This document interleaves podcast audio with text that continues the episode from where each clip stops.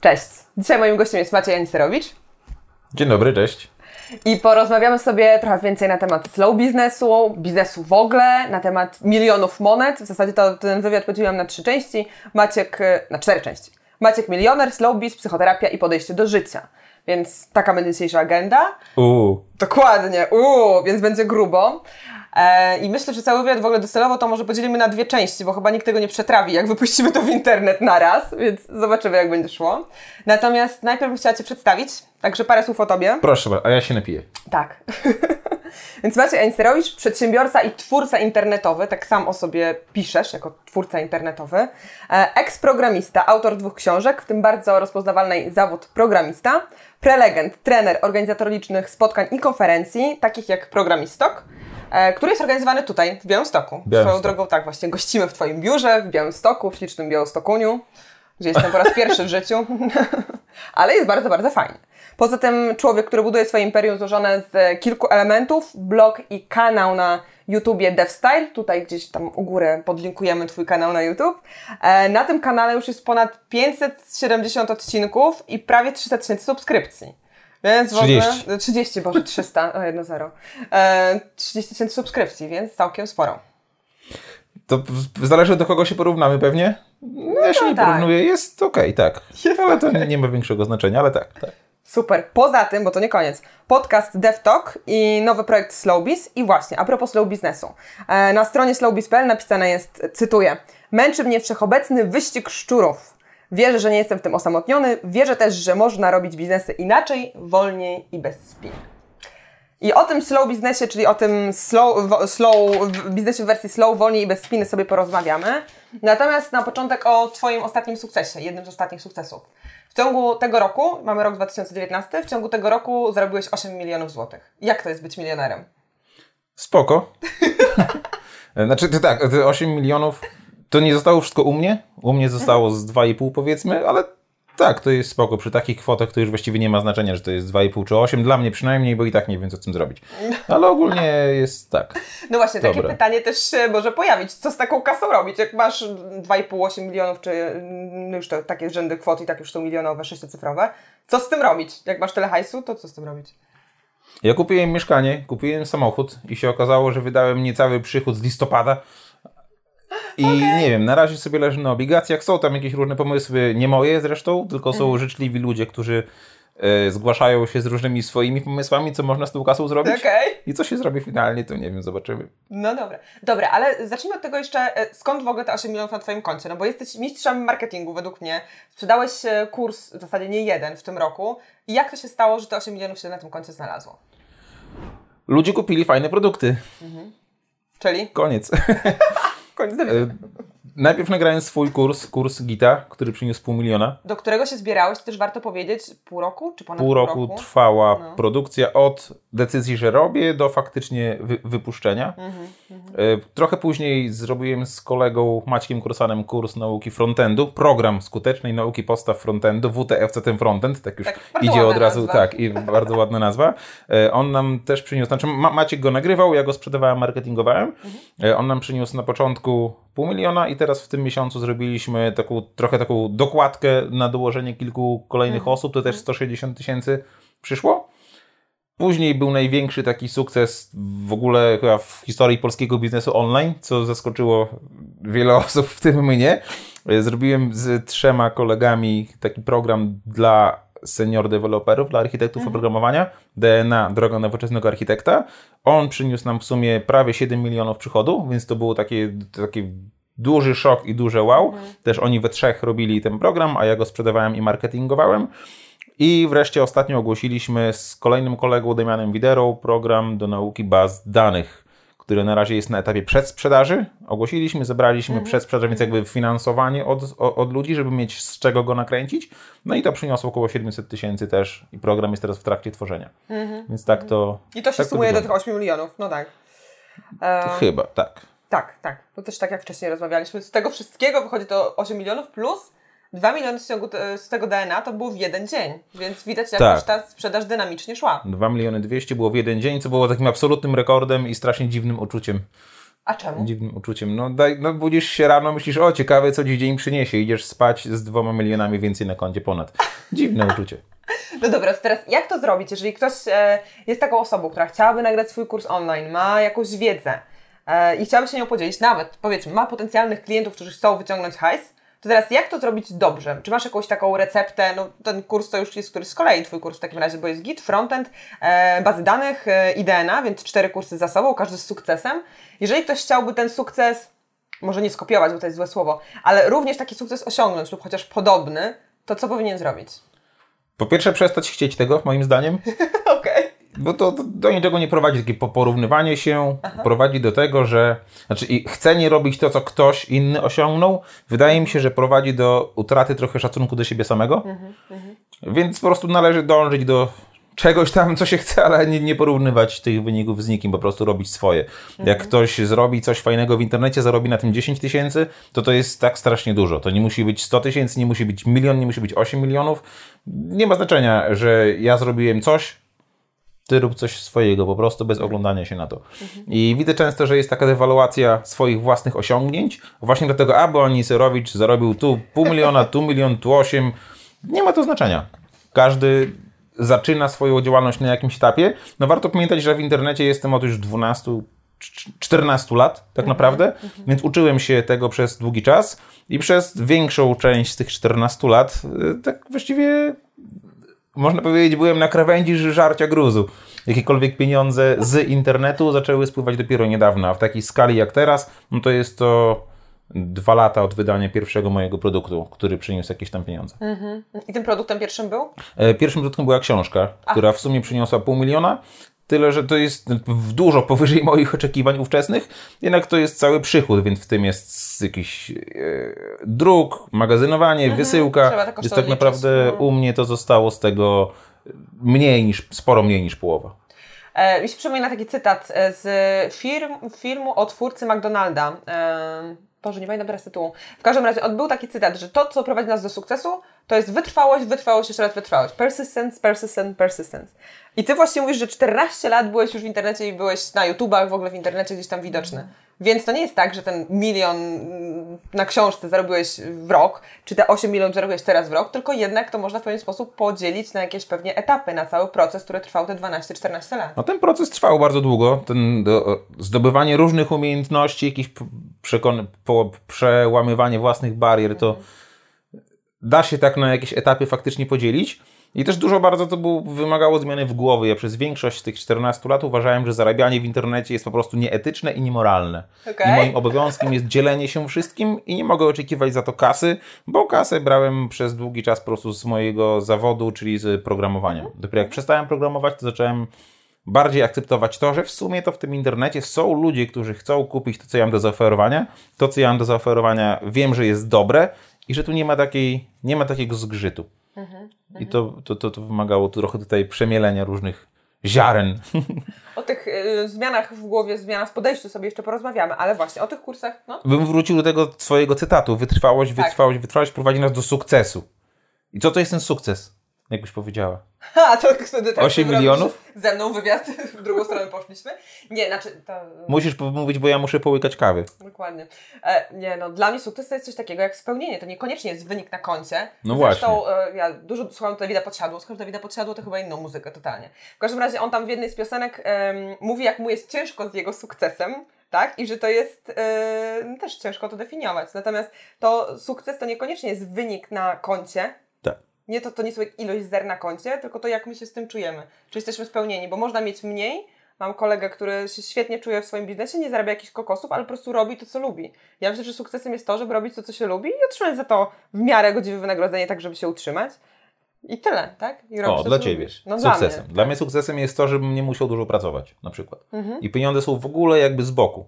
I gdy zacząłem tak w pełni żyć tym swoim sukcesem, który mi się udało osiągnąć, czyli że mogę pracować mniej, się okazało, że to pociągało za sobą konsekwencje, że musiałem w odpowiednich jakby obszarach życia zrobić porządek i się dużo rzeczy nauczyć.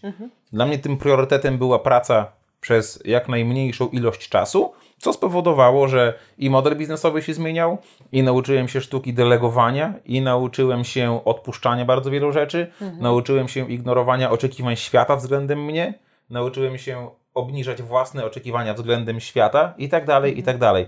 I to wszystko, czyli ta chęć pracowania jak najmniej, żeby mieć czas na kąpiel, kino, basen, książkę, park, y, to spowodowało, że jestem tu, gdzie jestem teraz. Mhm. I nie liczyłem nigdy w życiu, że to mnie doprowadzi do jakichś milionów, których tak naprawdę nie czułem, że potrzebuję. No i nie potrzebuję. A że są, okazji, no jak tak? już są, to nie wyrzucę, tak. Ale w ogóle też mówisz e, na swoim blogu bardzo często, że nie czujesz, że pracujesz, albo że robisz coś i przy okazji tak wychodzi, nie planujesz swoich biznesów, nie z niektórych rzeczy po prostu korzystasz, że nadarza się taka okazja. Więc też pytanie, jak definiować pracę? No bo tak. jeżeli ktoś rzeczywiście robi to, co lubi, to jest jakaś pasja, no to ja mogę siedzieć przez cały dzień nad jakimiś rzeczami i tak naprawdę czuć, że się spełniam, a niekoniecznie czuć, że pracuję. No i powolutku w ten sposób się wpada w pracoholizm właśnie. Mhm. Okej, okay. i jest ta cienka granica. No. Jest. I płynnie ja przestałem definiować to, e, no. co jest pracą, co nie jest pracą. To mi dużo zajęło moich, ener- jak to powiedzieć, energii mentalnej, definiowanie, co jest pracą. Mhm. Czy jak odpisuję na maila dla klienta, to jest praca? No pewnie jest. A jak dla kolegi? No siedzę przy komputerze, z perspektywy na przykład mojej córeczki wygląda, że tata pracuje, bo jest przy komputerze. No tak. Czy to jest praca? Nie wiem. I przestałem po prostu się na tym zastanawiać. I to mi tak uświadomiło też, że nad zbyt wieloma rzeczami za bardzo się zastanawiam. Na przykład definicja praca, mhm. nie praca. No, póki nie jestem zmęczony, póki chcę robić to, co robię, to jest ok. A czy to jest praca, czy nie? To, co mhm. mówisz tą pasją, to jest też ciekawe, jest takie powiedzonko, że e, znajdź, rób to, co kochasz, a nigdy nie przepracujesz ani jednego dnia. Tak. tak. Z drugiej strony, rób to, co kochasz, a nigdy nie wyjdziesz z pracy. Z, z drugiej strony, nie? No tak, no tak. Mhm. Więc to działa tak w, w, dwie strony. I ja te swoje różne pasje miałem przez, przez całe swoje życie i zamieniałem je potem na pracę. Jak najpierw programowanie, yy, to była moja wielka pasja, potem zacząłem na tym zarabiać i się wypaliłem. Mhm. Bardzo długi, przez bardzo długi czas prowadziłem e, szkolenia, i na tym bardzo dobrze zarabiałem i to mi się totalnie znudziło, tego było za dużo, chociaż nie było jakoś tak strasznie dużo. E, prowadziłem blog bardzo intensywnie, dużo bardzo pisząc i na tym też starałem się zarabiać i zarabiałem i to mi też zbrzydło, więc tak jestem gotowy po prostu na zmianę. I to, co teraz robię, to jest, bo model biznesowy mój teraz jest, mi się wydaje, idealny, bo on nie kosztuje, Mhm. Ode mnie wymaga pracy stosunkowo niewiele, tylko wymaga doświadczenia dużo, które już mam, ale pewnie to mi też się znudzi za jakiś czas. Mhm. I wtedy będę, mhm. może zostanę producentem muzycznym, może menedżerem kierowców rajdowych, nie wiem, takie różne mi rzeczy chodzą po głowie. No ale właśnie, to jak tą granicę odkryć? Gdzie to jest? No, że nie definiujesz, ale może jest jakaś taka metoda, żeby tą granicę odkryć, kiedy to jest nasza praca, kiedy już trochę przechodzimy może w wypalenie, kiedy tej pracy jest za dużo?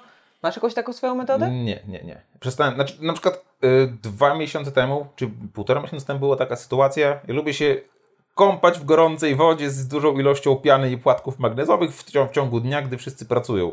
I ostatnio sobie tak siedzę w tej wannie, leci sobie muzyczka, relaks pełny i nagle ping, pomysł mhm. przyszedł mi do głowy, który w tym miesiącu przyniósł 160 tysięcy złotych.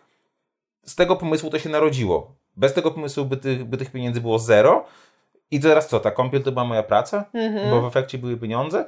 Z mojej strony była wymagane potem, żeby ten wynik osiągnąć, to było wymagane jakieś, nie wiem, 20 godzin pracy powiedzmy mojej, żeby do tego wyniku doprowadzić, ale kluczowy był ten pomysł, wymyślenie jakiejś tam strategii czy czegoś. Mhm. Mhm. I teraz nie wiem, ta kąpiel była pracą? No właśnie, ale myślę, że też y, bardzo często nie zwracam uwagi na to, że kiedy tak pracujemy, załóżmy te 8, 10, 12 godzin dziennie, kiedy jest coś w takim modzie pracoholizmu, siedzimy, siedzimy, napierdzielamy po prostu i robimy, to nie zauważamy pewnych możliwości, nie zauważamy pewnych rzeczy, nie pozwalamy też, żeby nasz umysł odpoczął. I e, Miłosz Brzeziński powiedział w jednym wywiadzie właśnie z Markiem Jankowskim z małej wielkiej firmy, powiedział taką fajną rzecz, że nasz umysł jest jak pralka. Żeby zaczęło się coś w nim mielić, żeby zaczął coś tworzyć kreatywnego, my musimy przestać do tej pralki dokładać, tylko w końcu musimy ją zamknąć. Czyli w Twoim przypadku to jest na przykład ta kąpiel, tak? Odcinam się od innych rzeczy i w mojej głowie się wtedy mieli. Może nawet nie tyle świadomie, co podświadomie, ale my wtedy i tak, no myślę, pracujemy bo gdzieś tam w podświadomości jakieś procesy się dzieją. Staram się, żeby to było jak najrzadziej, w sensie jak włażę do tej wanny, czy jak idę sobie do lasu, ja chcę, żeby to się nie działo w głowie, bo przez lata miałem tak, że faktycznie dużo bardzo było pomysłów i no pomysły same sobie są bezwartościowe. Czasami mhm. ktoś do mnie pisze, że mam świetny pomysł, czy zrobimy to razem. Mówię, że pomysłów to ja miałem 15 przy jedzeniu śniadania i co z tego? Liczy się wykonanie tak naprawdę. Tak, tak. To co teraz robię, wydawanie szkoleń online też nie jest nic oryginalnego. Tylko kwestia, żeby zrobić to naprawdę dobrze. Mhm. Więc takie cały czas e, mielenie w głowie różnych pomysłów zaczęło mnie bardzo męczyć. bo się okazało, że wtedy nie odpoczywam. No i Mhm. uczyłem się przez długi czas, żeby po prostu jakby zatrzymać cały ten proces i właśnie w tej kąpieli czy w tym lesie, żeby to się nie odbywało. Mhm. I czasem jest świadome takie coś. Teraz, na przykład, y, za każdym razem, jak teraz przygotowuję nową prezentację, najpierw chcę jak najwięcej pozbierać materiałów, które mam w głowie na dany temat, i wtedy idę na godzinny, dwugodzinny, trzygodzinny spacer po parku czy po lesie z zamiarem, a teraz pomysły przychodźcie. No i one przychodzą. I wracam właściwie do domu po tych kilku godzinach z materiałem na gotową prezentację. Wtedy trzeba usiąść i wykonać robotę, czyli Tak. ustrukturyzować to, powybierać co będzie w prezentacji, co nie, zrobić slajdy, nauczyć się tego. Wtedy taka praca wykonawcza, a ta praca kreatywna, nie chcę, żeby ona się działa cały czas, tylko ja chcę mieć nad tym kontrolę. I czy to już jest ten slowbiz? Czy tak można definiować ten slowbiz? Czym dla Ciebie jest slowbiz? Slowbiz dla mnie to jest, żeby nie żyć pracą i żeby nie pracować przez cały czas. To jest tak g- głównie. No i też to, żeby priorytetem nie były pieniądze. y, Nie były jakieś samochody, że kto, kto, kto ma fajniejszy. Nie były mieszkania Ale jak tak najważniejsze. fajnym autem, więc Wiesz, wiesz. no to jest, ale z kolei chodzę w porwanych butach. Uwielbiam fajne samochody, niekoniecznie muszę mieć świetne buty, powiedzmy. Więc to zależy, co, co tu lubię. Ja sobie znalazłem takie, takie hobby, co dużo powiedziane. Na samochodach się nie znam zresztą. Ja operuję na, na samochodach e, głównie kolorami. Tym, ile to ma, to, ma, to ma koni, jaki to ma silnik, to właściwie jest drugorzędne, byle szybko jechało. Aha, aha. I byle mi się podobało wizualnie. Więc faktycznie samochody w sumie zawsze fajne, ale akurat to mam, no. Ale to też nie, nie, nie kupuję samochodu fajnego dlatego, żeby by mie- mieć lepszy niż ktoś. I teraz niedawno akurat zmieniłem samochód i dużo osób mówi mi, że ale jest świetna fura. Ja bardzo się cieszę, że no fajnie, że się podoba, ale totalnie mnie to jakby nie obchodzi. Zrobiłem to całkowicie dla siebie, a nie po to, żeby słyszeć, że ktoś mi mówi, że to jest fajne. Wiem, że fajne. Gdyby nie było, to bym nie kupował. I to jest uświadomiło mi to właśnie ten samochód w tym momencie, że jakby odciąłem się od e, ocen otoczenia na mój temat. Tak prawie całkowicie. No właśnie, bo często jest tak, że jak zaczynamy zarabiać więcej, to wydajemy też więcej na rzeczy, które są nam niepotrzebne. Albo potrzebne są nam do tego, żeby zapełnić pewne dziury w nas. To tak. Albo żeby zaspokoić ego. I e, widać też to, e, nie pamiętam teraz dokładnych statystyk, ale widać to po wzroście wydatków Polaków na takie produkty klasy średniej. Drogie ubrania, drogie ciuchy, jakieś zegarki, rzeczy, które tak naprawdę do życia nie są nam potrzebne, bo tym drogim zegarkiem nie wykarmisz rodziny, ale kupujemy je, obstawiamy się tymi rzeczami. Naród się bogaci, coś trzeba z tą kasą zrobić. No właśnie, ale pytanie, jak to teraz wydawać mądrze, czyli żeby nie, żeby zapełniać te dziury w sobie, i y, tylko żeby jednak odciąć się ocen innych i wydawać tylko na te rzeczy, na które ja naprawdę chcę. No ja wiem. Jeśli to jest jakiś sposób na poradzenie ze, ze swoimi dziurami właśnie, no to, to dlaczego nie? Bo Nie, może, nie, można widzę, nie widzę w tym niczego. Ale to według kogo znowu? Tak samo jak jest różna definicja sukcesu, tak samo jest różna definicja radzenia sobie z czymś. Ja na przykład chodzę do psychologa od dwóch lat, tak sobie staram radzić z różnymi rzeczami, ale wiem też, że można te dziury by było pozalepiać właśnie jakimiś jeszcze lepszymi samochodami, jakimś domem, jakimś tu, nie, nie wiem w sumie właśnie, tak mówię, nie wiem co tą kasą zrobi, więc nie wiem nawet co, co, co, co, jakie są opcje tak naprawdę, ale no można na różne sposoby, dopóki u kogoś to działa, to jest fajne. Bo mi się wydaje, że jeżeli jest taki moment, że jesteśmy sami ze sobą i cały czas czujemy potrzebę wyciągnięcia telefonu, podpisywania na te maile, że nam jest ciężko samymi ze sobą, nawet w tym zajebistym samochodzie, to znaczy, że warto jest nad tym popracować. Mhm. Mi się wydaje, że taki, e, ta, ta, taka esencja też tego slowbizu to jest to, żeby było mi fajnie samemu ze sobą. Na przykład ja lubię być teraz sam ze sobą. Kiedyś było to dla mnie trudne, bo pojawiały się różne trudne pytania w głowie. Teraz nawet jak są, to ja się nad nimi pozastanawiam. Nawet jak się pojawiają jakieś, nie wiem, trudne emocje, to jestem w stanie się od nich trochę odseparować, sobie też je poobserwować. Myślę, że to jest taki e, moment, w którym warto no, zastanowić się, czy, czy, czy, czy, czy to na wydawanie tej kasy na te fajne rzeczy to jest faktycznie tylko to zalepienie dziur i czy to nadal działa. Bo przez jakiś czas może działać, ale potem może przestać. Mhm. I zostawić ci tak jakąś pustkę, bo No nie tak. zalepi. No mi się wydaje, że do, dopóki nie, nie jest ci dobrze samej ze sobą, no to możesz zalepiać, zalepiać i to nie, nie, nie ma końca. A jak, pozale, jak jest ci dobrze samej ze sobą, to z kolei te rzeczy faktycznie stają się wtedy e, drugorzędne, albo Mhm. mogą pełnić rolę takiego uzupełnienia czy fajnej zabawy po prostu. Mhm. No właśnie, bo ty otwarcie mówisz, że chodzisz na psychoterapię. E, nawet ostatnio w paru mailing, mailingach to się po, pojawiło. 5 grudnia, nawet mam spisane. 5 grudnia przedsiębiorca u psychologa, pogadajmy o tabu. 12 grudnia efekty roku psychoterapii, tego się nie spodziewałem. I w ogóle to jest takie niepolskie. W sensie, że bo zwykle ludzie boją się mówić o tym, że mają jakieś problemy albo że sobie z nimi radzą. A ja na przykład podziwiam ludzi, którzy otwarcie o tym mówią, że byli u psychoterapeuty i że starają się radzić sobie ze swoimi problemami. I mam wrażenie, że e, kobiety bardziej otwarcie o takich rzeczach mówią, jakoś my tak naturalnie bardziej mówimy o emocjach, a faceci mają jeszcze większą trudność z tym, żeby powiedzieć, że hej, byłem, czy jestem u psychoterapeuty. I powiem szczerze, że na palcach jednej ręki jestem w stanie policzyć moich kolegów, którzy potrafią się do tego przyznać. No bo chłopaki nie płaczą przecież. No tak, chłopaki nie płaczą. No właśnie, ale jednak chyba czasem płaczą. Więc jak można się nie bać mówić o tym i dlaczego ty się nie boisz, dlaczego o tym mówisz? Jak jechałem na pierwszą wizytę, w ogóle nie wiedząc, co mnie tam spotka, to już w drodze nagrywałem vloga, mówiąc o tym, że jadę właśnie do psychologa, mhm. że zapisuję się na terapię. A dlaczego? I tam wymieniłem kilka przyczyn, a po co? Nie wiem tak naprawdę po co. Mhm. Bo widziałem, jak to, jaki to może mieć wpływ i po prostu chcę bardziej poznać siebie, poznać świat, poznać swoje motywacje, powiedzmy. Widziałem, że przez, z roku na rok, przez całe życie pojawiały się u mnie w głowie te same pytania, te same obawy Mhm. Nie tak czułem, że właściwie sam doszedłem do jakiegoś momentu, do jakiegoś etapu, nie wiem jak nazwać, samoświadomości, mhm. a chciałbym dalej troszkę. Mhm. I tu wie, nawet jak zacząłem w ogóle o tym mówić, to się okazało po pierwsze, że odezwało się do mnie sporo znajomych, którzy chodzą, tylko wstydzili się powiedzieć. Po drugie, odezwało się bardzo dużo osób, które odebrały ten przekaz i że one też by chciały, ale co na to znajomi, właśnie co na to rodzina i tak dalej. Mówię, że ja nie wiem co na to, w sumie ja mam to totalnie w dupie i tego też się uczę na tej terapii, że po prostu, że ja to ja, jak komuś mhm. się nie podoba, to nara, no nie chcesz, to nie chodź, a czy ja chodzę, moja sprawa. No a właśnie, mówię a... o tym właśnie po to, no. żeby pokazywać, że i to nie tylko o tym, o różnych rzeczach mówię, nie naj, najróżniejszych, z takim, yy, jak to, z takim podkładem merytorycznym, że życie jest za krótkie, żeby się wstydzić.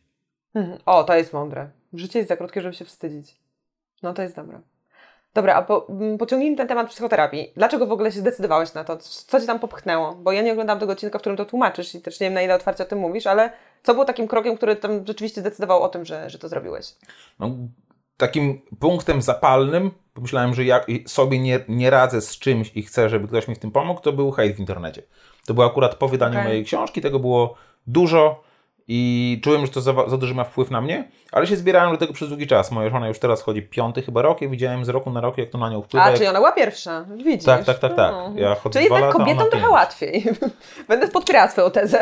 A ja wiem, czy łatwiej. No po prostu ona poszła pierwsza, miała dużo więcej takich palących rzeczy do przepracowania, jakieś tam śmierć rodziców chociażby. Hmm.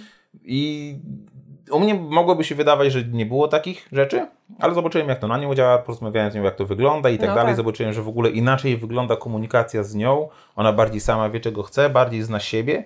Ja tak myślałem, o, to ja bym też bardzo chętnie poznał troszkę siebie, nie? No i, no i poszedłem. Plus też czułem, że y, kiedyś czeka mnie pewnie coś, co można nazwać sukcesem finansowym, Wtedy od tego jeszcze było trochę daleko, ale też wiedziałem, że ja nie jestem na to gotowy. Że gdyby coś takiego na mnie spadło te 2, 3, 5 lat temu, to co spadło na mnie teraz, pewnie bym się zapił w ciągu 3 miesięcy i byłoby koniec zabawy. A, i, I tam poszedłem też z zamiarem przygotowania się troszkę na to. Mm -hmm, Jakkolwiek to brzmi, poszedł przygotować się na sukces. I może to też miało jakiś wpływ na to, jak teraz to życie wygląda. Nie wiem w sumie. Mhm, mhm. A poszedłeś tam też z tematem wypalenia zawodowego, bo w jednym z vlogów mówiłeś, że po prostu twoje wypalenie wyglądało w ten sposób, że kodowałeś, kodowałeś, pochłaniała cię ta pasja i w pewnym momencie wstałeś od klawiatury, powiedziałeś, że nigdy więcej tego nie zrobisz, bo po prostu no, odrzucasz klawiaturę, pożygasz się zaraz, jeżeli napiszesz jeszcze linijkę kodu. No. To jest cytat, będę musiała to wypikać na YouTubie. w każdym razie. Nie, no i potem trwał, jak akurat mój okres wypowiedzenia zgodziłem się Aha. przedłużyć o, na, do 7 miesięcy aż, bo wiedziałem, mhm. że jestem kluczowym pracownikiem, beze mnie w firmie będzie no. bardzo ciężko. Więc te 7 miesięcy trwał taki stan, od kiedy powiedziałem, że odchodzę, do, do faktycznego odejścia. No i to też chciałem jakby zrozumieć na terapii, co, co się stało. Mhm. Ale się okazało, że to nie jest moim problemem, że ja nie rozumiem, co się stało. Problemem moim jest, że ja się z tym nie pogodziłem cały czas. I mhm. dopiero w tym roku, po półtora roku terapii, po ilu tam, trzech czy czterech lat, e, po, po, po czy czterech latach od odejścia faktycznie od aktywnego programowania, dopiero się z tym pogodziłem, że już nie jestem programistą i takie słowa jak teraz jeszcze by mi rok temu nie przeszły przez gardło, bo to jest jakaś tam etykietka, u mnie była wypalona na czole i w serduszku, w duszy, nie, że to daje mi wartość, że ja jestem programistą. Ale dlaczego akurat ta etykietka? Bo to było jedyne, co mi w życiu wychodziło. Pierwsze, tak naprawdę. Wcześniej umiałem tylko w gry grać i to nie na poziomie hard nawet, co mnie irytowało. I potem znalazło się programowanie, się okazało, że o, tu jestem naprawdę dobry. I gdy ja przestałem to robić, to musiałem, szukałem czegoś, co mi to zastąpi, jakieś tam do budowania poczucia własnej wartości. No i teraz ta praca nad sobą doprowadziła do tego, że ja nie muszę mieć czegoś takiego, że, że jakieś, ce- czegoś z zewnątrz, co będzie moje poczucie własnej wartości uzasadniało. O tak. Ale też często mówisz, że nie lubisz etykietek. Tam w, Tak. na, slow, na Slowbiz też jest napisane, że, jeżeli dobrze pamiętam, czy na tamtej stronie jest napisane, że nie lubisz etykiet, tak? Tak. Nie chcesz, żeby ktoś się tytułował czy vloger, czy, czy tak, czy inaczej. No i właśnie dlatego to oderwanie tej etykietki programista było takie trudne i gdy już to się udało zrobić i z tym się pogodzić, to się okazało, że wszystkie inne tak odpadają powolutku same. No Okej, Bo no i co zostaje, jak to wszystko odpadnie? Ja. No widzisz. Jest taki obrazek w internecie przepiękny, ja w, na wielu swoich prezentacjach go używam. Stoi taka duża postać dorosła Aha. i pyta się małego dziecka, a kim ty chcesz być jak dorosniesz? A to dziecko odpowiada, sobą. No. Koniec. No. Bo to, to jest tam tak wpajane, że jak się uczę tego przez ileś tam lat na tych studiach, na które nie chciałem pójść, ale musiałem, no to po- potem będę to rąbał do końca życia, nie? Mhm, No i tak często jest, jak takie etykietki się właśnie jakoś tam w w zespolą z naszą tożsamością. ale kurde, Górnolotnie grubo. pięknie brzmi. Ale tak, to potem rzadko zastanawiamy się, czy to jest nadal aktualne. Aha. Mhm. A ja sobie teraz bardzo często zadaję pytania na bardzo różne tematy, czy to jest nadal aktualne. Mhm. I się często okazuje, że nie. No tak, bo mogło się zmienić otoczenie, to co na ciebie wpływało, dlaczego wtedy podjąłeś tę decyzję, a teraz podejmujesz inną. No i też my się jako ludzie się zmieniamy. Jakaś tam statystyka kiedyś krążyła, która mówi, że co 7 lat zmieniamy się tak mniej więcej 100, 100, 180 stopni. Tak bardzo nasza osobowość się zmienia. Nie wiem, Znaczy czy przez rzeczywiście 7 aż lat tak wymieniają się wszystkie komórki w ciele. No właśnie. To jest jakieś dla mnie nie do uwierzenia, ale tak mądre ludzie mówią, to chyba tak w takim razie jest. No i to właśnie pozostaje to pytanie, co znaczy ja? To nie jest imię, bo jak mogę pójść do urzędu, mogę zmienić imię, Tak. no ale to nadal ja, ja jestem ja. To nie jest ciało, bo ono jest raz takie, raz takie. Dodatkowo, jeśli co 7 lat naprawdę się zmienia, no to to też nie jestem ja. Mhm. Dusza jakaś, no to nie, niektórzy wierzą w duszę, inni nie wierzą Mhm. w duszę. Jest jakieś ja, otoczone różnymi etykietkami, właśnie ciałem i tak dalej, i tak dalej. No i takie, ja chciałem właśnie na terapii trochę tak poznać troszkę tego ja, tak zerknąć, nie? Co to w ogóle znaczy. I masz teraz wrażenie, że już tak znasz siebie, takiego właśnie to swoje ja? Na pewno bardziej niż znałem i na pewno jeszcze nie. No bo to jest, według, mnie to jest proces, tak? Że jednak cały czas się poznajemy. No ja też chodziłam długo na psychoterapię, teraz akurat mam przerwę, bo, bo po prostu inne metody stosuję, żeby siebie poznać, ale mam wrażenie, że to chyba nie jest tak, że dochodzimy do pewnego momentu, że się samego, samą poznaję w 100%. No to tak miał zmienia. tak miał Chrystus podobno. Daleko mi do porównywania się do takich osób, więc nie, mi się wydaje, że to jest właśnie nasza ścieżka. Jedną z jakimiś tam, nie wiem, misji naszych życiowych jest właśnie to, ale no to Mhm. też zależy od przekonań.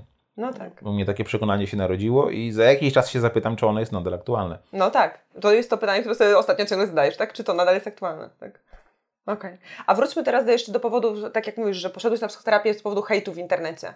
A jak ty sobie teraz z tym hejtem radzisz? Bo tego hejtu na pewno nie ubyło, pewnie nawet wzrosło z, razem ze wzrostem sukcesu, ten sukcesu jakkolwiek No niedefiniowanego, hejt rośnie.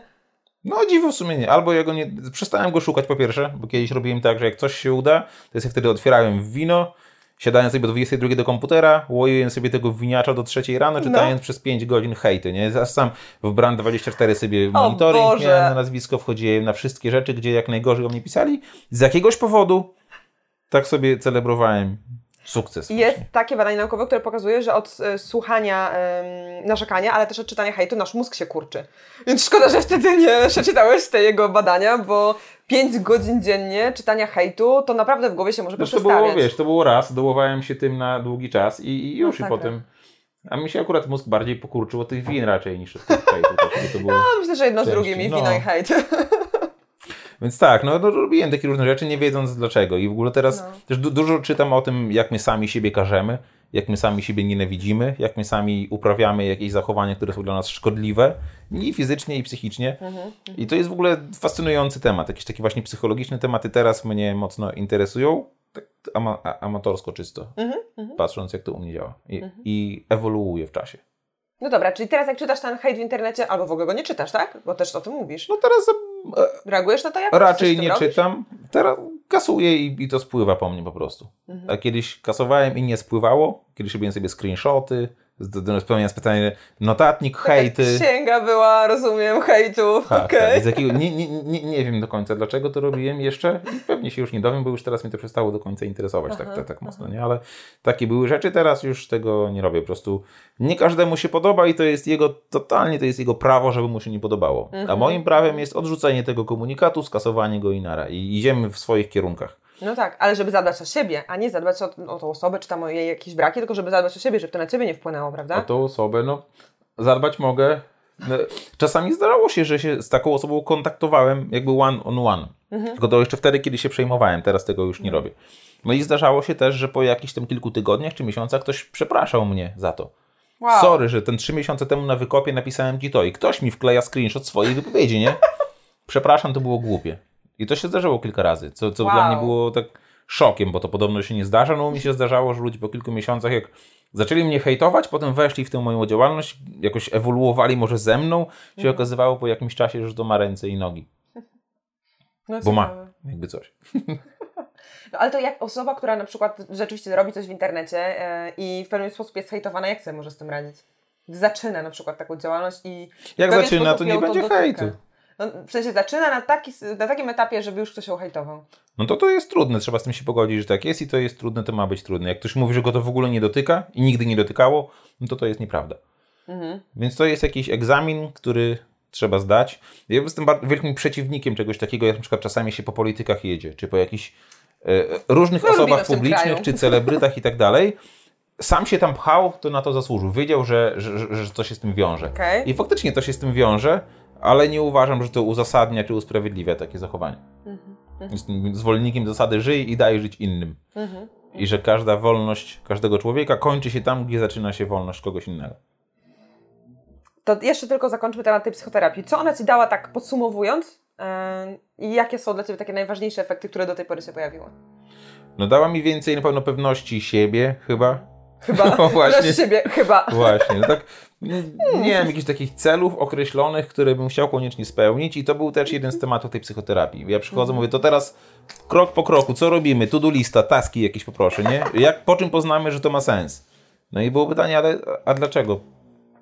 To, to, to jest takie ważne. I, i, i po co wiedzieć, czy, czy, czy, czy to jakoś działa? Pan po prostu przychodzi, to jest czas dla Pana i tyle. I czy, czy koniecznie muszą być jakieś spełnione potem warunki końcowe, żeby wyjść, dobrze, udało się, ten czas nie był zmarnowany. No. I też zaczęły się rozkminy na tym, czym dla mnie jest czas, dlaczego ja ciągle uważam, że go marnuję i tak dalej. Więc to była też taka nauczka, że mogę przyjść, godzinę, sobie posiedzimy, pogadamy, wychodzę, bez przeświadczenia, że ale teraz się posunąłem do przodu w czymś tam, czymś tam. Tylko po prostu to był czas dla mnie i on nie musi być wcale jakoś spożytkowany. Też napisałeś w jednym z tych swoich mailingów na temat psychoterapii, że jakbyś miał godzinę, e, tylko godzinę czasu w tygodniu dla siebie i jakbyś miał zdecydować na co poświęcisz, to właśnie byłaby psychoterapia, czyli ten Tak, czas tak. dla siebie. Znaczy czas dla siebie. Bardzo lubię też po prostu mieć czas dla siebie teraz poza tym gabinetem psychoterapeutycznym, właśnie czy to w kąpieli, czy to w lesie, czy to w parku. Dużo uprawiam takich aktywności w pojedynkę, tylko to tego też się musiałem nauczyć. I między innymi tego się da nauczyć w tym gabinecie, że to, to, to nie jest krępujące, że nie wyciągam od razu telefonu, żeby sprawdzić, tylko być ze sobą, akceptując siebie i właśnie poznając siebie i te, ob- obserwując te swoje myśli i co ważniejsze swoje uczucia, co się pojawia, dlaczego się pojawia, porozmawiać sam ze sobą, niekoniecznie e, w towarzystwie internetu całego, co teraz jest takie trudne. Mi się wydaje, że to jest... Mhm. Trudne i uzależniające, no Ba- bo nawet bardzo. są badania, które pokazują, że my jesteśmy uzależnieni od tych wszystkich lajków. No. Jak nam tam pika, pinga za każdym razem, to skacze nam endorfina i to jest tak uzależniające jak narkotyki. Więc- No tak, tak, tak, tak. No, jestem przerażony. Jak sobie kupiłem ostatnio okulary takie do virtual reality, Oculus Quest Aha. i jestem zafascynowany technologią, ale jestem też przerażony, że jak za 5, 10, 30 lat to będzie takie powszechne i to jeszcze kilka kroków pójdzie do przodu, no to w ogóle nie, nie, nie będziemy wstawać z fotela, wszystko będzie się działo tam. No tak, no tak. Istnieje takie niebezpieczeństwo. W, nie wiem, czy oglądasz serial Black Mirror? Mhm. No właśnie tam jest taka futurystyczna wizja, trochę straszna pokazana. No Jak to to niektóre z tych rzeczy, które tam były w pierwszym sezonie, to już są w, na świecie, a to minęło raptem 7 lat. Chociażby właśnie uzależnianie statusu społecznego od tych lajków. Było coś takiego. No i się okazało, że w, W Chinach. w Chinach To tak, jest już. jest ta ocena faktycznie e, Scoring do kredytu. Jakaś rządowa, tak. tak. Dokładnie. No, no więc to, to jest przerażające też, jak na tę technologię negatywnie na nas wpływa. No a jak na przykład ten wpływ technologii zmniejszyć? Ja w telefonie mam wyciszone wszystkie powiadomienia. Autentycznie wszystkie no to powiadomienia. jest pierwszy krok. Tak, ale to jest mega trudne. W ogóle pamiętam taki system, jak, jak to się nazywa, jakiś syndrom. Nawet jak odstawiasz alkohol, czy narkotyki, czy coś, jest przez pewien czas taki syndrom odstawienia, że się bardzo z tym źle czujesz i chcesz do tego wrócić. To samo miałam z telefonem.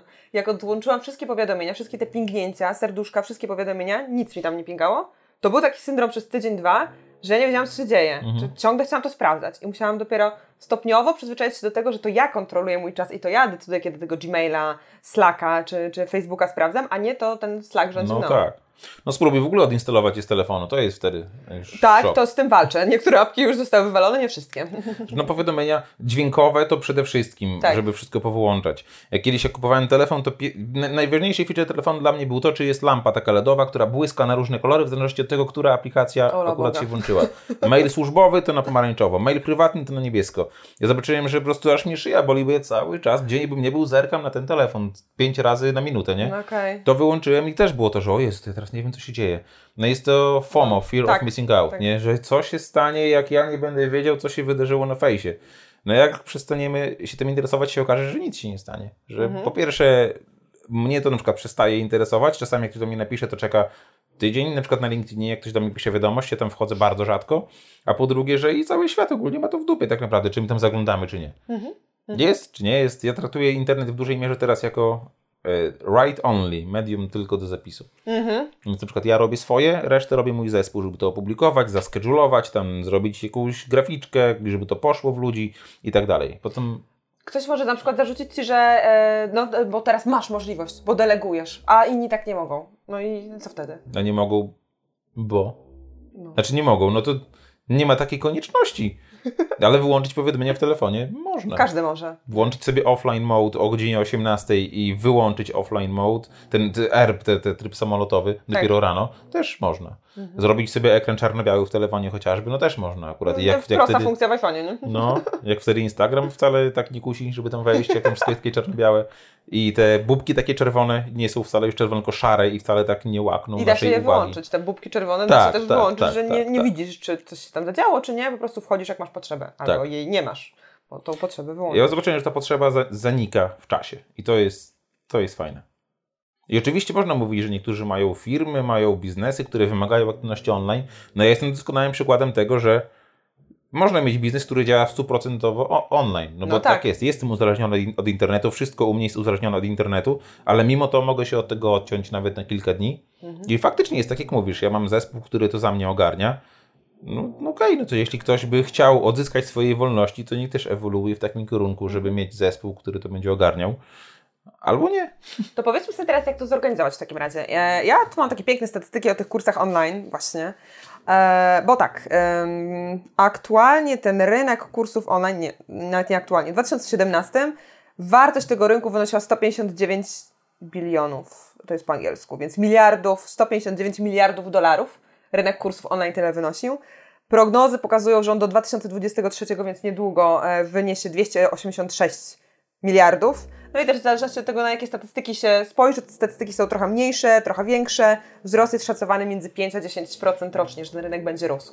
No i właśnie, czy rynek kursów online to jest dobry pomysł, żeby w niego wejść, jak ktoś chce zrobić dobry biznes? No i jak ten biznes też dobrze ułożyć, łącznie z, tą delego, de- z tym delegowaniem zadań, żeby to tak trochę funkcjonowało bez nas, żeby funkcjonowało tak slow biznesowo. No zachęcam na pewno, żeby robić wszystko samemu na początku. Żeby oddawać rzeczy, które wiemy, jak zrobić. I mi się chyba jeszcze nie zdarzyło, żeby oddelegować coś, czego sam nie umiem. Tylko najpierw robię, uczę się tego i potem szukam osoby, która zrobi to za mnie tak, Tak. samo dobrze, albo lepiej, albo gorzej. Akceptowalnie w każdym razie. W książce Mit Przedsiębiorczości też jest tak e, opisane, e, nie wiem czy ją czytałeś, e, też Mirek Bornejko ją poleca i tam też jest opisane, że jak chcemy komuś delegować zadanie, to najpierw musimy sami wiedzieć jak je zrobić, żeby potrafić postawić oczekiwania, tak, lub jakieś ramy, żebyśmy mniej więcej potrafili to zdelegować. Nie możemy zdelegować No czegoś, tak, co tak, nie tak. wiemy jak działa. Tak. W ogóle kiedyś poszedłem na e, konsultacje biznesowe, to się chyba, czy coaching biznesowy nawet i wykupiłem sobie trzy godziny i siedzimy z gościem, pozdrawiam zresztą Jakuba i Kuba po półtorej godziny powiedział, ty my nie mamy o czym rozmawiać więcej. Po pierwsze, okay. musisz mieć kogoś, do, komu będziesz oddawał zadania, a po drugie, przeczytaj mi przedsiębiorczości. Koniec. Okay. Okay. Zapłaciłem za 3 godziny, po półtorej godziny wyszedłem i byłem mega szczęśliwy, nie? I faktycznie e, tak zrobiłem i jest lepiej. No, no. A jak się nauczyłeś tego delegowania w takim razie? Najpierw sam robiłeś te zadania, a potem? No wszystko, znaczy w ogóle latami robiłem wszystko sam i mm. potem e, pierwszy etap był taki, że jak zacząłem nagrywać podcast, to gdzieś tam się pożaliłem, że podcast nagrywałem godzinę, a montaż mi zajął 8 godzin. Cały no. dzień siedziłem, ciąłem to zasrane audio. Po prostu gdzieś tam się pożaliłem, że jeśli tak to będzie wyglądało, to sorry, tego podcasta po prostu nie będzie. A wtedy to był jedyny podcast programistyczny w Polsce. Wow. I do mnie odezwał się Krzysiek Śmigel, z którym współpracujemy do dziś, już piąty chyba rok. I on napisał mi, że on jest programistą, ale jest też muzykiem. I on się chętnie tym zajmie, jemu to pójdzie raz, dwa. No i od, pierwszego, od drugiego czy od trzeciego odcinka do dziś, czyli wiem, 140 tych odcinków co nie było, mhm. Krzysiek wszystkie montuje.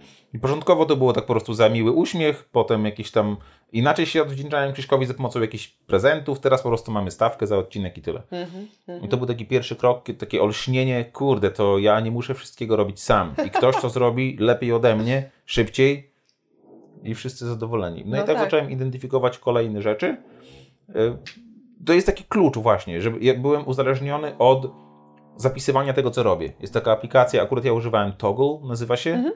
Ale też Asany i te wszystkie inne. Chodzi o śledzenie czasu. A, okej. Okay, okay. Ile czasu co mi zajmuje? Odpisywanie na maile tyle. I faktycznie tam logowałem wszystko. Odpisanie na maila, napisanie tekstu, zrobienie zdjęcia, tam ustawienie czegoś w social mediach, wszystko. I się okazało wtedy, że mam całą listę rzeczy i z no. 80% to, to, to nie muszę robić ja. Wow. Wiem, jak to robić, bo umiem ale w sumie to już mi nie sprawia frajdy. No bo na początku, jak coś jest nowe, to sprawia frajdę. Potem mhm. po latach to coraz mniej rzeczy zaczyna, ale smutne, zaczyna sprawiać frajdę. ale pojawiają się inne, właśnie, pojawiają się inne, pojawiają które też inne, sprawiają tak, frajdę. Tak, tak. Spokojnie, no i tak zacząłem coraz dojdziemy. bardziej świadomie szukać osób, które mi w tym pomogą. Chyba tego, co mówisz na początku, to był też taki trochę łód szczęścia, czyli że ty pożaliłeś się, że rzeczywiście dużo czasu ci to zajmuje i znalazł się ktoś, kto ci to e, zrobił. Ale jeżeli ktoś e, nie ma takiego szczęścia, że ktoś mu się tam zgłosi od razu i, i, przejmie te zadania od niego, to w jaki sposób znaleźć taką odpowiednią osobę, na którą można zdelegować zadania? Czyli załóżmy, jestem przedsiębiorcą, mam jednoosobową firmę, chcę zdelegować zarządzanie Facebookiem. I jak taką osobę dobrze zrekrutować? Znaczy, w ogóle z zespołem razem tworzymy teraz kurs budowania zespołu. Mhm i dużo osób o to się domaga. No i tam mhm. będzie taki krok po kroku cały proces, jak to zrobić. Po pierwsze, nie można mieć założenia, że ja zrekrutuję kogoś, kto będzie dobry. Bo okay. nie będzie, bo nie umiem rekrutować. To skąd? To, to, no, no to jak? Nie umiem definiować zadań, zlecać ich, nie umiem ich weryfikować, żeby ktoś mi raportował, nie umiem ocenić, nie umiem mhm. dobrze wycenić tego, więc to będą porażki na początku. Mhm. Ja, asystentka u mnie sprawiła się, sprawdziła się tak w pełni dopiero trzecia. I wiem, wow. że poprzednie y, były poprzednie przygody z asystentem, asystentem i asystentką przed nimi, to była moja wina, bo ja nie wiedziałem, jak to robić. I się uczyłem tego. Mhm. I to na własnych błędach się... też, nie? Tak, to też tak, warto tak. to podkreślić. No. Ja swoimi błędami się mogę dzielić, ale na pewno każdy popełni jeszcze jakieś swoje dodatkowo trochę. Mhm. Więc jak kogoś znaleźć, no znaleźć kogoś, ktoś to zrobi, ktoś to zrobi źle. I teraz pytanie, czy jesteśmy w stanie zainwestować czas i pieniądze, żeby ten ktoś się nauczył i zrobił tak, jak my chcemy? Mhm. Czy szukamy kogoś, kto od razu tak zrobi? Z dużym prawdopodobieństwem, że nie znajdziemy, bo jak znajdziemy firmę, jakąś agencję od social media, to oni mają swoje procedury, my im nie powiemy róbcie tak i tak, no bo oni mhm. wiedzą, bo oni się na tym znają. Albo nie. U mnie by to nie przeszło. No właśnie, bo, bo ja robię jakoś inaczej. No i to jest ta kwestia dotarcia się, no i zaakceptowania, że to jest inwestycja i czasu, i pieniędzy z naszej strony. I dopiero no tak. potem będzie super. Ale, ale, ale, to, ale to dopiero potem. Więc znowu proces, tak? Więc to nie tak, to, tak, to, to, znowu proces. Tak, tak samo no z Krzyśkiem, od którym od pięć, ponad pięciu lat. Nawet czy może dłużej, jakoś strasznie długo z tym Krzyśkiem współpracujemy i to też nie, nie jest tak, że było zawsze. Aha. Raz nawet kończyłem współpracę, tylko potem się okazało, że nie potrafię tego uzasadnić, bo jakoś miałem jakiś taki impuls, że ja teraz chcę wszystkich nowych, nie? I to w sumie akurat bardzo jestem wdzięczny, że się na mnie wtedy nie obraził, tylko nadal na, na współpracujemy, ale ja robiłem dużo różnych głupot i osoby no. po kolei, mhm. które ze mną pracują, też nie każdy jest idealny, właściwie nikt nie jest idealny. Mhm. Mnie jest takie założenie, że każdy może popełnić błąd dowolny, jak najgłupszy, ale tylko raz. I po prostu na błędach swoich nawzajem się uczymy wszyscy, że jakiś błąd występuje, to więcej, żeby nie wystąpił. Mhm, mhm, jasne. A jak znaleźć osobę? No to al- jeśli masz konkretne zadanie, obsługa Facebooka firmowego, no to szukasz osoby, która zajmuje się obsługą Facebooka. Tylko jeśli ona obsługuje i ciebie, i 100 innych różnych osób, to też nie można oczekiwać indywidualnego podejścia, no bo No tak. prawdopodobnie nie będzie. E, Można, jeśli już masz Facebooka, no to pytasz na Facebooku, siema, szukam kogoś. I to, to, to u mnie bardzo często to działało dobrze. Zgłaszały się osoby, które po pierwsze, co było dla mnie najważniejsze, chcą pracować ze mną. Nie to, że na, nagle my się spotkamy, ja tam rzucę wulgaryzmem podczas rozmowy biznesowej, nie? I ktoś się obrazi, oj, jak ty brzydko mówisz, nie chcę z tobą pracować. Tylko jak ktoś już przychodzi, to wie, zna moje wiem, wartości, moją wizję, wie jaki jestem i chce pracować po prostu ze mną. No i wtedy już jest połowa sukcesu za nami. Jeśli ktoś jest taki, to ja z góry taką osobę właściwie akceptuję i potem uczymy się tej współpracy wspólnie. Można, więc po pierwsze szukałbym wśród odbiorców, jak masz Facebooka, no to na Facebooku tam ktoś się może znajdzie albo, albo poleci e, swoim znajomym, albo zacząć można też od takich miejsc jak agencje wirtualnych asystentek, gdzie po prostu się płaci za pakiet godzin i wtedy się nauczy, i w, nawet wtedy nie ma znaczenia kto to robi. Uczymy się wtedy definiowania zadań i weryfikowania tych zadań. I to też na początku zajmie dłużej niż ja bym to zrobił sam. Bo No to jest tak. taka inwestycja. No tak. Tak jak w mit przedsiębiorczości było napisane, trzeba przygotowywać y, cały biznes od zera, znaczy trzeba, można. W taki sposób, jakby to od samego początku była franczyza, że Mhm, potem po prostu mamy zestaw procedur, dajemy komuś, zrób, działa.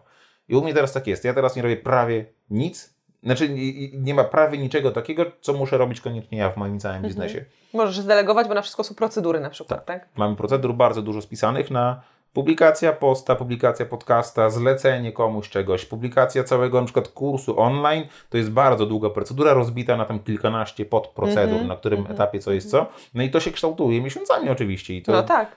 każdy błąd potem ląduje w tej procedurze z informacją, jak go uniknąć na przyszłość, żebyśmy e, no, nie popełniali tych samych błędów cały czas. Tylko nie mam oczekiwania, że wszystko wyjdzie za pierwszym razem, a często to w ludziach wywołuje frustrację, że o, tak miało być pięknie, a nie jest. No nie jest. nie ma być. Inaczej każdy by to robił. No dokładnie. A te procedury w jaki sposób najlepiej spisywać? Bo wy mówisz, mówisz, że wy spisujecie to w pewien sposób. Macie jakieś narzędzia sprawdzone? Coś, co Mamy możemy Google polecić? Docs, gdzie jest jeden No. kropka, krok pierwszy, zrób to, krok drugi, zrób to. Nie ma, Aż co, tak nie ma proste. co komplikować, tak. No to wygląda jak bajka teoretycznie, tak? Że Znaczy, no, spisywanie tych uproszczone. procedur też jest jakąś sztuką i moje Tak. pierwsze procedury spisane, potem ja przesyłałem to osobom, one mówią, że nie wiedzą, o co tam chodzi, nie? Więc wtedy się dalej, łączyliśmy się na przykład przez Skype'a, robiłem dzielenie ekranu, mówię, patrz, to na tym ekranie jest procedura, a na tym ja to robię. No i też w tym czasie się okazywało, że ona była bardzo niekompletna ta procedura, albo ja pisałem językiem, który mi wydawał się oczywisty, a ta druga osoba tego nie no rozumiała. właśnie. No I właśnie. do, dopiero to zaczęło działać w momencie, gdy ja zaakceptowałem, że ta druga osoba może tego nie rozumieć z mojej winy, a nie, że ta osoba jest głupia na przykład.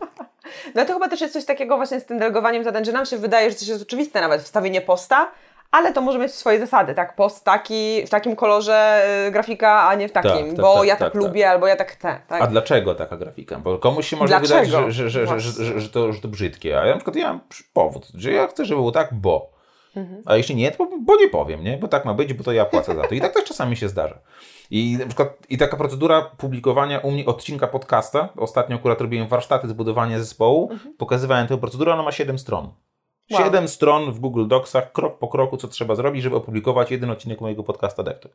Jeden odcinek. Tak. Na przykład mi to zajmowało półtorej godziny, mojej asystentce zajmowało cztery. I też ja płacę za cztery godziny czasu, coś co mogę zrobić sam w półtorej godziny, ale zacząłem patrzeć na to w taki sposób, że ja kupuję te swoje półtorej godziny za to. A ile No za to tak. zapłacę, to z każdym odcinkiem to jest coraz mniej potem tego czasu, bo ona też się tego uczy.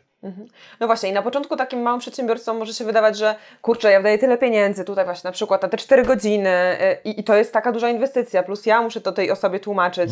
No i w jaki sposób obliczyć tą cenę albo granicę, ile ja mogę komuś zapłacić za daną pracę, żeby to nie było dalej droższe niż, niż to, kiedy ja to zrobię sam. Sama. No i zrozumiałem też, że te półtorej godziny, które odzyskuję, to ja w tym czasie mogę zarobić 20 razy więcej, jeśli zrobię odpowiednie rzeczy, te, które muszę robić ja. I też jeśli jest przedsiębiorca, który robi rzeczy, których nie powinien robić, on to marnuje ten czas, bo y, coś jest unikatowego, wyjątkowego w naszym biznesie, co my wkładamy do siebie, od siebie jako założyciele. Oczywiście mówimy o takich mikrobiznesach, jakichś jednoosobowych albo kilkuosobowych. No ja skupiam się właśnie na tym. Tam, gdzie musi być moja piękna gęba, tam, gdzie musi być mój głos, ja na scenie. Ja robię takie rzeczy, gdzie nie, nie mogę tego Nikt nie może oddelegować. tego tak. zastąpić, tak. Nie tak. oddeleguję też spaceru po parku, bo on mi jest potrzebny, czy jazdy po torze wyścigowym samochodem, bo to jest moje.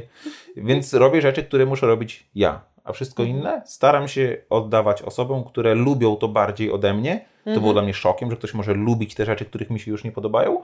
Dodatkowo staram się za to godziwie płacić i dawać możliwości rozwoju, eksperymentów tak itd. E, myślę, że to jest ważne, co powiedziałeś odnośnie tego, że, to deleg- że, że delegowanie tak wygląda, że to jest proces i że to trwa, ale myślę, że to jest ten klucz tego slow biznesu. Tak, że jak się nauczymy to delegować, to mamy wtedy więcej czasu dla siebie i dla pracy na to, na pracę na takich kompetencjach i nad tymi rzeczami, na które nam najlepiej wychodzą i też dają największą wartość dla biznesu, No największą tak. unikalność. No tak jak mówiłem o tym No. jednym pomyśle, co mi wpadł do głowy, który zarobił 160 tysięcy i że to było 20 godzin około mojej pracy. No Mhm. i faktycznie tak było, tam pracy pod spodem było dużo więcej. Tylko to nie musiałem robić tego ja. Mhm. I co z tego, że ja płacę osobom za ich pracę ileś tam, skoro mam do podziału 160 tysięcy, więc wpyty pieniędzy. No. To choćbym obdzielił każdego dwukrotnie więcej niż normalnie można zarobić za, za takie rzeczy, to i tak jeszcze zostaje mi cała góra. No właśnie. Dobra, odnośnie tej unikalności, jeszcze ten temat, temat bym e, też poruszyła, Mhm. bo em, przygotowując się w ogóle do tego wywiadu, też zapytałam moich znajomych na Facebooku, puściłam pytanie na e, Instagramie, na LinkedInie, kto jakie pytanie chciałby Ci zadać. I czasami będę się teraz jeszcze tym e, pytaniem posługiwała. I jest na przykład pytanie od e, Tomka, pozdrowienia Tomek Krzyworski, który jest trenerem i koderem. I on chciał właśnie zapytać w kontekście kursów online. E, jak to unikalność znaleźć? No bo... wiadomo, kursów i szkoleń online jest cała masa w internecie. e, I Udemy, i Coursera, i w ogóle cała masa też osób indywidualnych, które te kursy robią. No ale jednak czymś się trzeba wyróżnić takim kursem. No jak to unikatowość znaleźć? Jak to unikatowość znaleźć? Czy nie wiem, czy trzeba się wyróżnić w Chyba, kursie, żeby więcej no. sprzedać, to wypadałoby, żeby wtedy ten kurs się na tle konkurencji w pewien sposób wyróżniał. A może się okazać, że możesz sprzedać mniej i też jest okej. Znaczy, ja staram się zawsze przede wszystkim, żeby to była wysoka jakość. I w, zarówno w DNA, jak i w kolejnych produktach, które się szykują, mamy zarówno przede wszystkim no, nagrania wideo, które tłumaczą coś, ale zawsze jest obowiązek, że jak ktoś u mnie wydaje jakiś program, no to jego obowiązkiem jest potem przez cały czas trwania tego programu, to jest różnie akurat DNA, trwa, a trwa aż 19 tygodni, te osoby są do dyspozycji uczestników. Nie jako konsultacje one-on-one, bo to by było nie do zrealizowania, ale odpowiadają na pytania, pomagają i tak dalej. Więc ten sam program to jest jedno, a dodatkowo drugie to jest ta możliwość y, interakcji z najlepszymi specjalistami, czyli autorami danego programu. Są zawsze, na przykład ja nie lubię marnować czasu cudzego. Już swój, ja wychodzę z założenia, że swojego czasu nie mogę zmarnować, po prostu go w różnych tam trybach on sobie upływa. Ale czyjś czas staram się bardzo szanować i o ile na pewno trzeba obejrzeć cały materiał, żeby z niego wyciągnąć jak najwięcej, to staram się, żeby nie trzeba go było oglądać więcej niż raz. Ktoś obejrzy go raz, będzie chciał za rok wrócić, to ma masę materiałów pomocniczych i slajdy, i transkrypcje, i wersje audio, które można sobie w samochodzie posłuchać, jak, jako podcasty. I y, transkrypcje są właśnie bardzo ważne, bo wtedy działa wyszukiwanie. No, w wideo nie działa wyszukiwanie, a w transkrypcjach działa. I tylko, żeby transkrypcje to też nie jest coś, co maszynowo tam jest zrzucone słowo mówione na tekst, bo No to tak, by się nie dało czytać. Tylko jest też osoba Agnieszka, która zajmuje się u nas teraz głównie tym. Spisuje transkrypcję DNA. I pisze to w taki sposób, że właściwie można potem by z tego zrobić e-booka i zrobić też jako dodatkowy bonus w PDF-ie, bo to jest tak napisane, że to po prostu dobrze się czyta. I, to, I to wszystko wymaga oczywiście odpowiednich funduszy, tylko że no najważniejsze jest to zadowolenie klienta. Niezależnie od kosztów. Akurat układa się tak, że to zawsze przedsprzedaż przybija sufit w sumie oczekiwań jakichkolwiek, więc że można sobie na to pozwolić, ale gdyby nie można było, to i tak najważniejsze dla mnie jest to zadowolenie. A jeśli komuś się jednak nie spodoba, to ma zawsze 30 dni na zwrot po prostu i tyle. Ja oddaję 100% kasy, ponosząc koszty i obsługi tego zamówienia, wystawiania jakichś faktur, jakieś koszty płatności. Ktoś ile zapłacił X i dostaje z powrotem X. Nawet nie musi napisać, znaczy chcę, żeby ktoś napisał przyczynę, ale ta przyczyna może być dowolna, nie wiem, jak mu ktoś kupił mój kurs Gita i na przykład zawiódł się, że ja mam, kurde, nie wiem, żółte zęby, to to może być powód spokojnie. Proszę bardzo, nie patrz na moje zęby, masz tu kasę z powrotem. Czasem nawet zostawiam dostępy do tego i tak e, tym osobom. Okej, czyli e, wysoka jakość, interakcja, materiały dodatkowe, bo tak jak powiedziałeś, to transkrypcje, PDF-y, e, no i możliwość zawsze zwrotu pieniędzy, jak ktoś jest niezadowolony, tak? No w określonym czasie oczywiście, No bo tak, no tak. no mija te 30 dni na zwrot, no to wtedy dzielimy się tą kasą z tymi autorami, to potem byłoby kłopotliwe, żeby ludzie zwracali jeszcze Cofać i bardziej. tak. Więc to, to jest ograniczone w czasie. Nie dlatego, że moim zdaniem ktoś po jakimś czasie dopiero do, dojdzie do wniosku, że a jednak nie chce, tylko właśnie z takich względów czysto logistyczno-operacyjno-formalnych, że ta Mhm. kasa po prostu już poszła gdzieś indziej i teraz problematyczne byłoby jej ściąganie z powrotem. Odnoszę też pytań, że tak powiem, z publiczności. E, myślisz, że jeszcze przebijesz wynik DNA? Ten Nie. 7 milionów? Myślę, że nie. Już nie? Szklany sufit? Nie też szklany, papierowy z, z, z, z banknotów. Nie, znaczy zobaczymy, ciężko mi jest powiedzieć, ale nie, nie potrafię sobie wyobrazić, jaki temat mógłby, chyba, że przy drugiej edycji DNA już są pomysły, jakie tam fajne bardzo akcje porobić przy, przy, przy, przy tej okazji. Ewentualnie ten sam program być może jeszcze będzie miał lepszy wynik, ale nie widzę innego, który mógłby się do tego zbliżyć. Choć ostatnio ogłaszałem przedsprzedaż programu do nauki baz danych, też tam nasze szacunki były no, że będzie spoko, a wyszło w samej przedsprzedaży 700 tysięcy, więc o wiele więcej niż myśleliśmy. Więc to już robią takie kwoty, że nawet ja mm, nie ma jakby konieczności e, starania się o to. A też w przyszłym roku, prawdopodobnie w pierwszym półroczu pojawi się jeden materiał, który będzie mógł się zbliżyć do DNA. Raczej nie, prze, nie przekroczy, ale temat taki, że bardzo uniwersalny, bardzo potrzebny, bardzo taki, o który ludzie sami proszą. Czyli temat? Dla programistów pewnie. Nie możesz zdradzić. Temat testowania oprogramowania dla programistów, tak. To- A to chyba coś, co programiści nie za bardzo lubią robić. O to zależy. Programiści mogą lubić, ale mogą firma może nie pozwalać. Znaczy, to, w szczegóły nie wchodźmy, ale ogólnie to jest coś, co jest bardzo potrzebne. To była moja specjalizacja, z, którą, z której robiłem szkolenia i dostawałem nawet za, zapytania w temacie szkoleń. Już i z dwa i pół roku, powiedzmy, po tym, jak już nie programowałem, firmy pisały, czy z testów byś przyjechał po szkolił. Aha, aha. Ja mówię, że po pierwsze moja stawka teraz jest taka i taka, to już było naprawdę dużo, jak na, nawet jak na moje standardy. Film mówi, że okej, tylko chodź. Ale ja już nie, w sumie już dwa lata nie programowałem. Bym się głupio czuł, opowiadając o tym, bo już jakby straciłem trochę biegłość. Więc będzie to robił ktoś jeszcze lepszy ode mnie i no i to będzie po prostu fajne. Mhm, mhm. I ten kurs mówisz, będzie też robił ktoś, będziesz z kimś go znów robił, tak? Nie w modelu, że robisz sam, tylko Ja znów nie będę dobierasz robił sam z programowania, bo no już za dużo czasu nie programuję, że Mhm. tak po prostu czuję czysto uczciwie, że dużo bardzo pamiętam, ale Mhm. nie mam tej biegłości. Nie obserwowałem też bardzo mocno, jak przez te lata się zmieniał rynek, narzędzia i tak dalej, więc po prostu nie chcę mówić, yy, szkolić ze, ze stanu, który był 4 lata temu. No tak, no tym bardziej, że w IT tak wszystko się dynamicznie zmienia, że 4 lata temu to jest już prehistoria w niektórych tematach Akurat w pewnie. testach nie. I mógłbym nawet to szkolenie, które prowadziłem swoje trzydniowe, po prostu nagrać online i to i tak byłoby dobre, tylko nie byłoby mega aktualne. I- A to, a to, to nie jest jakby top jakość, tylko trochę niżej. Mhm. W sensie jakość pod względem takim czysto merytorycznym, bo nawet nie wiem, jakie są teraz nowe narzędzia, więc nie chcę czegoś takiego serwować. No. Chociaż byłoby bardziej opłacalne, bo jak robię z kimś, to dzielimy się zawsze kasą porówno. Bym zrobił sam, to byłoby wszystko dla mnie. Ale jak mówię, to nie jest priorytetem, żeby się jak najwięcej nachapać.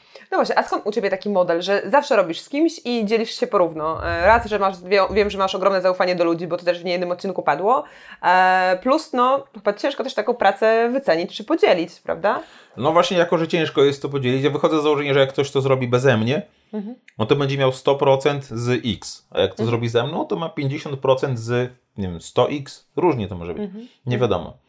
Y, I jako, że nie lubię ogólnie etapu negocjacji i tak dalej, po prostu mówię, że dzielimy się równo albo, albo ten etap zawsze trwa 3 sekundy. Że nie, ma, nie ma innej opcji. I niektórzy mówią, że ja powinienem brać większą część, bo beze mnie ta sprzedaż by nie była tak duża. Inni mówią, że ja tam tylko sprzedaję przecież, więc że ja nie powinienem Tylko aż tyle. sprzedaję, tak? Tak, Okej. ale po prostu, żeby takie w ogóle dywagacje ucinać, zawsze jest, że dzielimy się porówno i, i tyle. W DNA podzieliliśmy to na czterech, przy frontendzie na, na pół, przy bazach danych na pół. Jak będziemy robić jeszcze tam z kilkoma osobami, powiedzmy o tych testach, może z dwoma, to wtedy podzielimy to na trzy. Po prostu to, to nie jest... Nie robię też biznesu z ludźmi, dla których pieniądze są na pierwszym miejscu, bo wtedy ta motywacja jest zła i ja obawiam się wtedy, że to mogło być za bardzo pójście na, nie wiem, łatwiznę, czy skupienie nie na tym, co trzeba.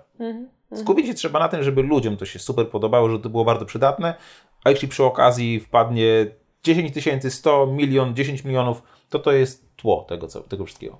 Efekt chyba tak naprawdę. Efekt. Wynik dobrej pracy, dbania o klienta. Efekt wykonania dobrej pracy, tak. Tak, no i nie czułbym takiej pewności, że, mo, że, że w taki sposób możemy działać, jeśli ktoś na przykład potrzebuje już na teraz 100 tysięcy, bo kupił mieszkanie i nie ma za co urządzić. Okej. Czyli e, rzeczywiście myślę, że motywacja finansowa nie jest dobrą motywacją. W ogóle nie jest najlepszą motywacją i nie zawsze jest w ogóle dobrą motywacją, żeby coś robić. Znaczy, motywacja finansowa pewnie może skutkować dużymi zarobkami, tylko kwestia kosztem czego. Jeśli u mnie to byłoby kosztem jakości naszej współpracy, albo jeśli kosztem jakości docelowego materiału, no to niezależnie od potencjału rynkowego w takie też nie wchodzę, bo no bo nie, bo, bo, bo wydaje mi się, że u mnie wystarczy jakiś teraz jeden słaby program i jakby to, to się może troszkę posypać wszystko. Mhm. Więc to jakoś jest zawsze na, na pierwszym miejscu i musi tak być. Chociażby z tego względu ludzie nie wahają się, żeby kupić u mnie przy sprzedaży rzeczy, faktycznie wykręcając kosmiczne wyniki w momencie, gdy tego programu jeszcze nie ma. No tak. W ogóle? No tak, bo ty sprzedajesz produkty, które jeszcze nie są skończone, nie istnieją. Tak naprawdę Nawet są, są na zaczęte. landing. No właśnie. Jest no land- są, tak. Jest landing page i jak ta sprzedaż w ogóle wygląda? Jest landing page i co dalej? I moja obietnica, że będzie zajebiście. I plus oczywiście przedstawienie autora. Nawet jak ktoś nie zna autora, to ja też gwarantuję, że to nie jest pierwsza, lepsza osoba, która się do mnie No zgłosiła, tylko to jest ktoś, kto ja wiem, że jest najlepszy do tego. No i jak to się sprawdziło raz, drugi, trzeci, to już teraz za każdym razem mi osobiście jest coraz łatwiej, żeby coś takiego przeprowadzić. Tylko właśnie to zaufanie jest budowane latami i teraz ka- każda wpadka by mocno to zaufanie e, by tym zaufaniem zachwiała. Nawet gdybym potem zwrócił kasę wszystkim, przeprosił i tak dalej, to myślę, że to zaufanie już by nie wróciło tak łatwo. Więc dlatego No też tak. bardzo ostrożnie dobieram osoby do współpracy. No i to na razie działa. Mhm, mhm. E, Jeżeli chodzi jeszcze o tą sprzedaż, to e, też jest na to procedura? Też jest jakiś plan, Tak. który zawsze już jest szablonem i zawsze działa? Na razie tak. Znaczy tam jakieś modyfikacje się pojawiają, ale ogólnie się okazało, że jakiś wypracowaliśmy sobie taki model, który przechodzimy przez pewne kroki. Każdy musi być wykonany solidnie. Co najważniej ważne, nie każdy muszę robić ja i staram się, żeby za każdym razem coraz mniej tych kroków było uzależnione całkowicie ode mnie. Na przykład przy jednym z dwóch już programach, na przykład e, Ania, która zaczynała u mnie jako asystentka, teraz właściwie jest PM-em bardziej, czy COO, czy w tych literkach tam się nie do końca rozeznaje. Ona bardzo dużo przyjmuje koordynacji tego projektu. Jest Magda, która e, robi coś, co ja bardzo lubiłem robić, ale pomyślałem, że zaryzykujemy i Magda na przykład pisze teraz teksty na landing page, teksty sprzedażowe Mhm, i super. to też świetnie wychodzi, więc rzeczy, które byłem przekonany, że muszę robić koniecznie ja, okazuje się, że mam świetne osoby, które też to robią naprawdę dobrze i to, Mhm. i, i, i to działa. Więc cała taka wizja musi być, mi się wydaje moja, taka cała wizja to jest taki mój wkład, Mhm. albo reagowanie, nie wiem, każdego dnia sprzedaży coś idzie nie tak, to ja wymyślam, co robimy dalej, żeby to odmienić. Ale ogólnie te procedura, jak coś jest wykonane przeze mnie raz, drugi, trzeci, potem Mhm. może ktoś inny to wziąć i też to zrobić nawet po swojemu. Nawet niekoniecznie musi być tak jak ja, ale nawet po swojemu. Czyli znowu delegowanie, tak? Znowu delegowanie, Tak. procedury, w pewien sposób testowanie różnych rzeczy, bo też mówisz, że wymyślasz na bieżąco różne rzeczy. Tak, wymyślanie na bieżąco jest bardzo dużo, planowania jest stosunkowo niewiele, tylko ta procedura no, się kształtuje siłą rzeczy. Jak jest taka przedsprzedaż, to wiemy, co musimy po kolei zrobić. Mhm. Ile tych maili napisać, bo to nam wyszło, il, kiedy dobrze jest maile pisać. Co musi być na tym landing page'u, e, jaki mniej więcej horyzont czasowy dobrać do różnych akcji Mhm, i mhm. tak dalej, i tak dalej. Ale to też jest chyba tak, że to u Ciebie w biznesie zadziała, ale nie wszystkie rzeczy pewnie da się przełożyć na inne Na biznesy, pewno, bo Ty tak. masz taką grupę docelową, masz takich odbiorców, którzy też akceptują to, jak Ty się komunikujesz w internecie, co nie wszystkim może oczywiście odpowiadać, No, Oczywiście. więc y, u Ciebie to działa, ale czy ten szablon można przełożyć zawsze do każdego innego kursu online? No nie, zdecydowanie nie. Nawet do tej samej grupy, do programistów, to niekoniecznie musi zadziałać. Są oczywiście szkolenia z robienia kursów online i one Mhm. też działają. Te wyniki są różne. Raz są słabsze, raz są super. Mimo, Ja że szablon jest ten sam na tym kursie. Tak, no ale ja wychodzę z założenia, żeby się cieszyć z, za każdym razem, nawet jak wychodzimy na zero, to już jest sukces, bo kupiliśmy sobie masę doświadczenia Mhm. i za to nie zapłaciliśmy.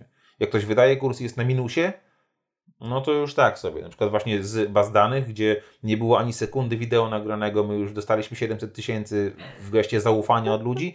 Słyszałem, że jest osoba, która wydaje już piąty swój kurs z baz danych w Polsce i jest cały czas na minusie. Wow, okej. Więc tam po drodze coś jest nie tak, ale to już przy pierwszym trzeba sobie zadać pytanie, kurde, to w takim razie coś poszło nie tak, a nie robić cały czas ciągle to samo i oczekiwać innych rezultatów. No to jak ktoś by był w takiej sytuacji, rzeczywiście, dobra, coś wydaje, coś mi nie idzie i jestem na minusie, to kogo zapytać albo gdzie się zwrócić, co czytać, jakie materiały e, zbierać, skąd Ty czerpiesz wiedzę?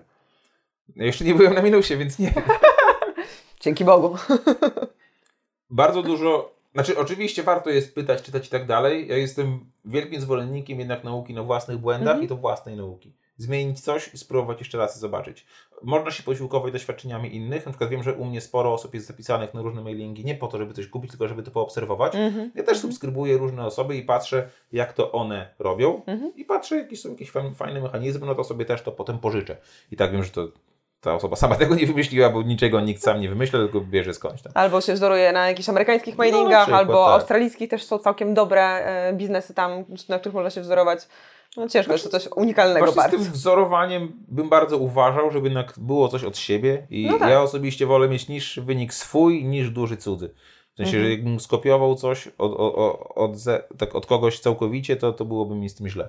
Mhm. No ale to jest moje coś, ktoś może nie mieć takiej blokady i też z jednym kolegą bardzo rozmawiałem długo na ten temat, że u mnie to jest od lat do zaobserwowania, że ja lubię być czymś pierwszy, że ja lubię zrobić coś, czego nikt nie robił Mhm. i to mi przeszkadza ogólnie w biznesie. Byłoby łatwiej, wyniki byłyby być może lepsze, gdybym mógł być drugi, trzeci, no jednak piąty, kopiuj pewien wklej. koszt. Jeżeli coś się robi po raz pierwszy, to się Koszt ponosi pewien innowacji. koszt. No, no tak, ekonomiści, przepraszam, moje studia się odezwały, ale to też no, to, ta, taka prawda, tak? Ty musisz to wypromować, pokazać, że coś takiego jest, nauczyć klientów. No, ponosisz po- koszty takie, których te kolejne osoby już nie muszą. Właśnie ten program DNA to, on, to było coś, czego nie było jeszcze z jakiegoś powodu. No i mówi się, że dobrze, jeśli mamy konkurencję, bo wtedy możemy mieć przeświadczenie, że to jakoś działa. Skoro ktoś już to robi, to znaczy, że to działa. Zrobiliśmy coś, czego jeszcze nie było, no i się okazało, że to było akurat dla nas wielką zaletą, że tego nie było. No bo my zgarnęliśmy ten no, prawo pierwszeństwa takie może, nie? Ale już pojawiają się kolejne na prawie dokładnie ten sam temat, programy. I mi się wydaje, że im już jest łatwiej, bo nie muszą, bo Tak, o tym naszym na DNA pewno. zrobiło się bardzo głośno, im jest łatwiej, bo już nie muszą zastanowić, dlaczego warto. Już tutaj do DNA tam poszli ludzie za 6,5 czy za 7 baniek, więc znaczy, że ta wiedza jest potrzebna. Nie siejeście u nich, to chodźcie do nas. A czy Ja, widzisz... ja się cieszę z tego, że, że ludzie też, że na pracy mojej i ludzi, z którymi ja współpracuję, inni również mogą e, skorzystać. A czy widzisz, że ktoś cię kopiuje? Tak, I co z tym robisz? nic, ale to spoko. Jedyny etap, y, moment kopiowania, z którym ja mam jakiś problem, to jest taki, że ktoś do mnie napisał maila takiego, że ma mojego e-booka i czy ja mam coś przeciwko, żeby sprzedawał go na Allegro taniej niż ja. To to jest takie już Okej. moje kopiowanie. Ja mówię, no stary, masz Dobra, jeden do jednego. masz jednego e-booka, a nie e, kupiłeś sobie e, jakby praw wydawniczych, nie? Tylko to, że ty skopiujesz, że masz dwa pliki, a nie jeden, to nie znaczy, że możesz to sprzedawać. To, to, No tak. Takiego czegoś, czyli po prostu piractwa, to, to, to nie, te, te, tego to nie trawię. Ale jakieś inne, inne kopiowanie, to no, Też jest takie powiedzenie, które mówi, że kopiowanie jest taką najwyższą formą e, pochwały. tak. Tak, tak, dokładnie. Że jak już coś tak robisz dobrze, ktoś cię kopiuje, to znaczy, że naprawdę świetnie sobie radzisz. Też tak to odbierasz?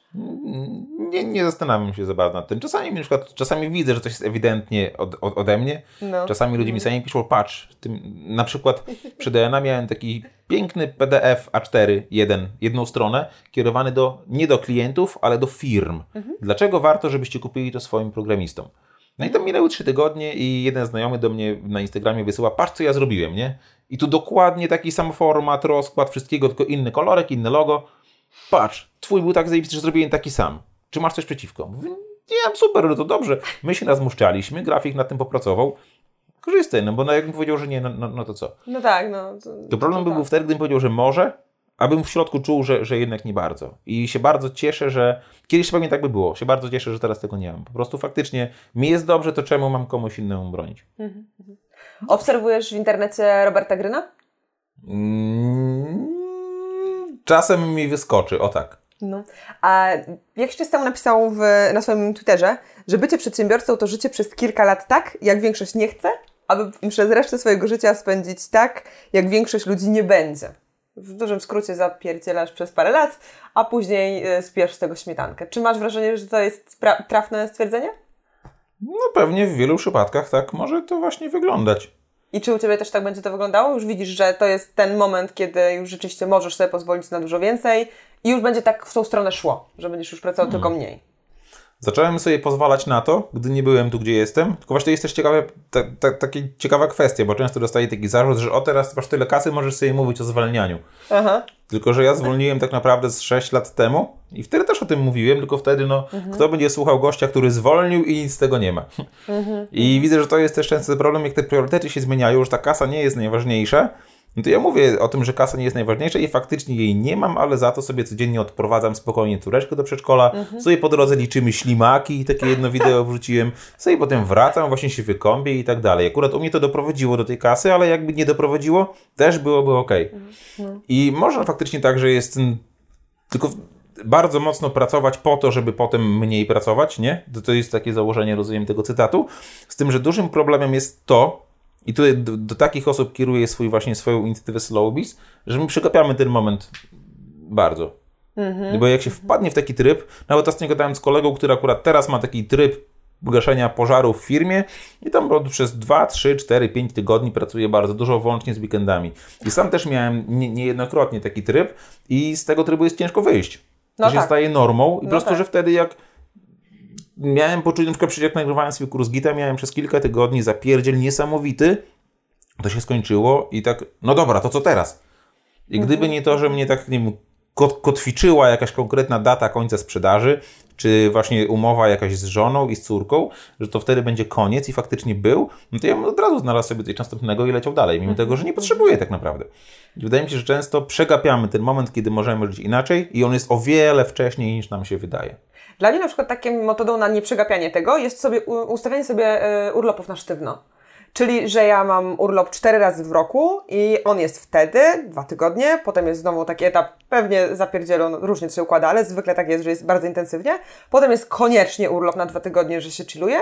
No i potem znowu jest pewien taki okres bardziej intensywny. Może to jest taki lifehack, który można samemu na siebie zrobić. Na sztywno wpisywać sobie z rocznym wyprzedzeniem, bo u mnie tak to mniej więcej z półrocznym, rocznym wyprzedzeniem działa, wpisywać sobie urlopy. No tak, ja, ja tak robię i to faktycznie jest, bo ja mam raz na jakiś czas wyjazdy sobie w pojedynkę gdzieś, czy to nie wiem, w góry, czy to Białowieży, czy na Suwalszczyznę. Robiłem to już sześć chyba razy i to jest faktycznie tak dość regularnie, że na kilka dni jadę sobie sam i to jest wpisane z dużym wyprzedzeniem też, żeby i żona wiedziała i ja po prostu wiem, że wtedy z nikim się nic nie umawiam, więc i to też jakiś, w jakiejś tam książce, czy jakiś tam podcaście, gdzieś tam słyszałem faktycznie, że to jest taki ten lifehack, że po pierwsze planujesz urlopy, co wydaje się takie kontrintuicyjne, nie? Ale że jednak tak. Po drugie planujesz rzeczy, które musisz zrobić sam i potem dopiero to, co zostaje, to jest dla innych w tematach biznesowych. I gdzieś tam zawsze jeszcze oczywiście to takie normalne życie, nie biznesowe też się przeplata codziennie. A jak teraz wygląda Twoje planowanie? Inaczej niż te 6 lat temu, jak ten slow czy to podejście do w stylu slow zaczynałeś? Znaczy, no, wtedy bardzo wsiągnął w tematy różne produktywności i w Getting Things Done. Hmm, Getting Things Done chyba z 9 lat temu. Otworzyło mi oczy, że w ogóle można inaczej. To był taki początek. I ja to tak bardzo ekstremalnie do tego podchodziłem. Okej. I to mi się strasznie podobało. Lubię mieć zaplanowane wszystko. To podsumowanie tygodnia, podsumowanie miesiąca, podsumowanie roku, potem plany na dzień, tydzień, miesiąc, rok i tak dalej. Aż w końcu po jakimś czasie doszedłem do wniosku, że ja strasznie dużo spędzam na tym planowaniu. No tak. Ciekawe, co by się stało, gdybym tego nie robił. Się okazało, że mam wtedy dużo więcej czasu, bo tego nie robię, a życie i tak jakoś sobie płynie. No bo są różne podejścia do tej książki Getting Things Done. Niektórzy mówią, że super, że w ogóle świetnie, że, że pokazuje jak planować. Inni mówią, że no niby pokazuje, ale nie, nie ma tam konkretnych narzędzi. Są narzędzia jakieś tam. On akurat on pisze na temacie teczek, bo jeszcze komputery nie były No takie tak. mocno. Tam jest te foldery u niego fizyczne, to teraz zastępujemy jakimiś elektronicznymi. To jest to kalendarzu, jest to to-do listach, które są świetnym narzędziem. Tylko ja tylko wszystko teraz stosuję, tylko bez takiego religijnego podejścia. Nie robię na przykład podsumowań sobie niczego w sumie. Ale podsumowania miesiąca się pojawiały na vlogu. y, Pojawiały się, ale ich nie ma. Teraz Mhm. jest koniec roku, trochę będę musiał nagrać podsumowanie tego roku. Jakoś przez kalendarz będę musiał przejść, co się wydarzało. Mhm. Nie spisuję sobie. Spisuję sobie tylko, jakie książki czytałem kiedy. I Mhm. to właściwie chyba jedyne. Nie, nie spisuję sobie, co się kiedy wydarzyło, no bo to nie ma znaczenia. Tak zauważyłem, że jak przestałem to robić, to nic złego się w moim życiu nie wydarzyło. Że ja nie pamiętam, kiedy byłem gdzieś tam, kiedy, co, co ja robiłem wtedy, bo pozbawiłem się takich wyrzutów sumienia, że o Jezu, ja nic nie zrobiłem. Aha, aha. I to podsumowania te były po to, żeby mnie uspokoić. Spoko, stary, zrobiłeś dużo. Jak teraz nie mam takiego przeświadczenia, z którego się wyleczyłem, polecam, żeby nie myśleć cały czas. Niezależnie od tego, jak dużo zrobiłem, zawsze było, kurde, jak ale ze mnie leń. Albo, że za mało. Że, że za mało. I potem te podsumowania pokazywały mi, o, jednak dużo. Teraz nie mam takiego, takiego że, że nic nie zrobiłem albo że za mało. Po prostu robię to, co robię. Jak nie robię, to nie robię. Nie muszę tego podsumowywać się okazało, że samo to mi dało dużo czasu. I to nie jest tak, że to polecam, żeby nie planować i żeby nie podsumowywać, bo to na pewno może jakoś ustrukturyzować pracę dla osób niezorganizowanych. Mhm. U mnie jakaś ta organizacja po pierwsze weszła trochę w krew przez lata, a po drugie część organizacji deleguję. Mhm. Mam świetną pomocnicę Anię, która ogarnia bardzo wiele rzeczy, w tym na przykład umawia mnie na prowadzenie wywiadu, czy jakieś tam inne takie rzeczy, mhm. jakieś wystąpienia, to ona po prostu ogarnia mi o tym przypomina. I to też jakby z takiego przypominania narzędziowego przeszedłem na przypominanie e, ludzkie. Z Anią się często dzwaniamy, ona mówi mi, co się będzie kiedy wydarzało. Mhm, mhm. Jeszcze ten temat, e, tak jak mówisz, że się wyleczyłeś z myślenia o tym, że zrobiłeś za mało. Tak, jak się z tego tragedia. wyleczyć? Przestać to robić. to jest takie proste, pyk i już no nie, nie myślę o tym. Nic, o czym rozmawiamy dzisiaj nie jest, znaczy proste tak, ale nie łatwe, bo to jest duża mhm. różnica, nie? Proste, czyli nie jest skomplikowane, ale nie jest łatwe, bo jest trudne. Mhm. Może i terapia to też mi w tym pomogła. Ogólnie zdjęcie z siebie takiej presji, że ja ciągle muszę coś więcej. Mhm. Jak zacząłem kwestionować wszystkie takie te coacherskie porady, te motywacyjne cytaty z Instagrama, że a co ty zrobisz w tym roku, nie? Myślę, no pewnie za mało. Więc już od razu wchodzimy w rok z takim założeniem, że będzie źle. I tak, jakby tak zacząć kwestionować wszystko, co widzimy i spytać się, czy to naprawdę ma sens. Bo widziałam na vlogu nieraz masz napisane, e, jest pokazany twój ekran, monitor i tam jest cytat. Think for yourself, question authority. Tak jest. Więc właśnie, to chyba z takim podejściem też, tak? To to jest moja, jakbym miał sobie wyryć coś na grobie, to byłoby właśnie to, nie? Że ten cytat mnie doprowadził do grobu. Ale nie, to, to... Że... Chyba to nie najlepsze było. Chyba nie najlepsze. Dzięki temu Maciej Anisterowicz świetnie przeżył swoje życie. O, A to tak. ja nie wiem, czy świetnie. Właśnie miałem taki eksperyment, że o, y, dosłownie dwa dni temu skończyłem czytać swoją własną książkę, którą tak, napisałem tak, dwa lata temu. No. I no. to było ciekawe doświadczenie. I tam było za dużo trochę takiego... jak to najwyżej wypikasz, takiego brandzlowania się tym moim życiem, nie? Okay. Że ono jest takie fajne. A ja wiem, czy ono było takie fajne. Wtedy mi się tak wydawało, ale jakoś za bardzo się na tym skupiałem, na ocenianiu swojego własnego życia. Teraz Aha. właściwie go nie oceniam. Tylko Staram jest, się tak? przynajmniej. Ono sobie po prostu jest. I właśnie presja, oczekiwania dzięki temu zniknęły, bo ja nie, nie wiem, czy ono jest dobre, czy jest złe, pojawiały się emocje, uczucia różne, jakieś tam potrzeby i lepsze, i, znaczy właśnie nie lepsze, gorsze, a przyjemne i nieprzyjemne mhm. i jakoś ono sobie płynie, nie musi być żadne, jakieś konkretne. Mhm. A odnośnie Twojej książki, bo czytałeś jeszcze raz Zawód Programista, czyli tą książkę, tak. która jest najbardziej popularna z tych, których napisałeś. I tam padło takie pytanie na Instagramie, czytam po to, żeby sprawdzić, czy bym ją polecił komuś, tak. jeżeli już ją przeczytałem jak, po jakimś czasie. I co, poleciłbyś komuś tą książkę? Właśnie w ogóle planuję napisać własną recenzję swojej książki, Opublikować okay, ją pomysł. na lubimeczytać.pl, bo tam jest bardzo dużo recenzji różnych. Ja bym teraz jej dał 7 na 10. Te dwa lata temu dałbym 10 na 10. Mhm. Widzę, że jeśli chodzi o warsztat pisarski, to pewnie teraz bym to zrobił lepiej. Inaczej? Inaczej trochę. Bym właśnie mniejszy nacisk kładł na jakieś tak szczęście w życiu, tylko bardziej... Znaczy po prostu ja się bardzo rozwinąłem od tamtego, od, od tamtego czasu. Czy może nawet nie rozwinąłem, co inaczej patrzę na życie, bo ja też mhm. pisałem książkę przed pójściem do psychologa. I widzę, że teraz na wiele rzeczy patrzę po prostu inaczej. Ale mhm. bym ją zdecydowanie polecił. Tam wartość merytoryczna jest nadal aktualna i aż się czasami dziwiłem, że miałem takie mądre przemyślenia, nie? Czy, czy, czy, czy, to aby na pewno ja napisałem, tak? Tak, tak, tak, tak. Więc to było fajne, tylko właśnie warsztatowo bym tam nieco ewentualnie okay. pozmieniał i ją skrócił troszkę. I to, to były zarzuty, które się pojawiały przez te dwa lata. I ja tak w sumie przyjmowałem te zarzuty, nie wiedząc, jak się do nich ustosunkować, czy naprawdę tak jest, czy nie. I teraz jako, jako czytelnik, a nie autor, mogę z, mhm. jakby przyznać rację, że faktycznie ona nie jest idealna. Mhm. Warto, jest dobra, jest bardzo pożyteczna i przydatna, ale nie jest idealna. I to było dla mnie też takie e, ciekawe doświadczenie, że sam jestem w stanie przed sobą przyznać, że takie moje dzieło nie jest idealne. Ale popatrz, czyli jednak przyjmujesz w pewien sposób feedback z otoczenia. To nie jest tak, że ten tak. feedback blokujesz się od niego, czy tam od hejtu, czy od otoczenia e, i, i tego nie ma. Nie, ja się nie blokuję, przyjmuję, tylko reakcja moja jest zupełnie różna. Jakby on nie mhm. wpływa na moje em emocje, nie wiem jak to... Na ciebie, może tak po prostu. No. Bo Przyjmuję, tych... bo każdy ma do tego prawo. Tylko fajną analogię kiedyś czytałem, że jest że taki stan, do którego warto dążyć, czy warto to nie wiem, ale czasem taki osiągam, że jakby na wierzchu jakieś tam są emocje, No. jak, jak, na, jak na powierzchni morza, jakieś fale, ale w środku jest jak przy dnie morza, gdzie tam nic się nie dzieje, chociaż nie wiem, czy tak jest, tam jakieś prądy też są. Ale że nie jest tak Są, burzliwie, ale o tak tak. dokładnie. Nie to, co się Też dzieje na to zewnątrz, to jest jakieś tam właśnie fale i tak dalej, ale u mnie w środku jest tak ten kwiat lotosu. No dobrze. E, odnośnie takich pytań, które też się pojawiły pod tym moim postem, jakie tobie pytania można zadać, to było, czy przejmujesz się jeszcze presją otoczenia? Ja myślę, że odpowiedź jest taka, że nie, ale Presję czy już nie. jakimiś oczekiwaniami względem ciebie zwracasz na to No uwagę? właśnie, Znaczy zwraca, za, zauważam i idę dalej. To był wielki problem mój, który doprowadził mnie na skraj depresji. Właśnie takie poczucie, że nawet jak zrobię nie wiadomo co, nie wiadomo ile, nie wiadomo jak super, to to jest zawsze za mało.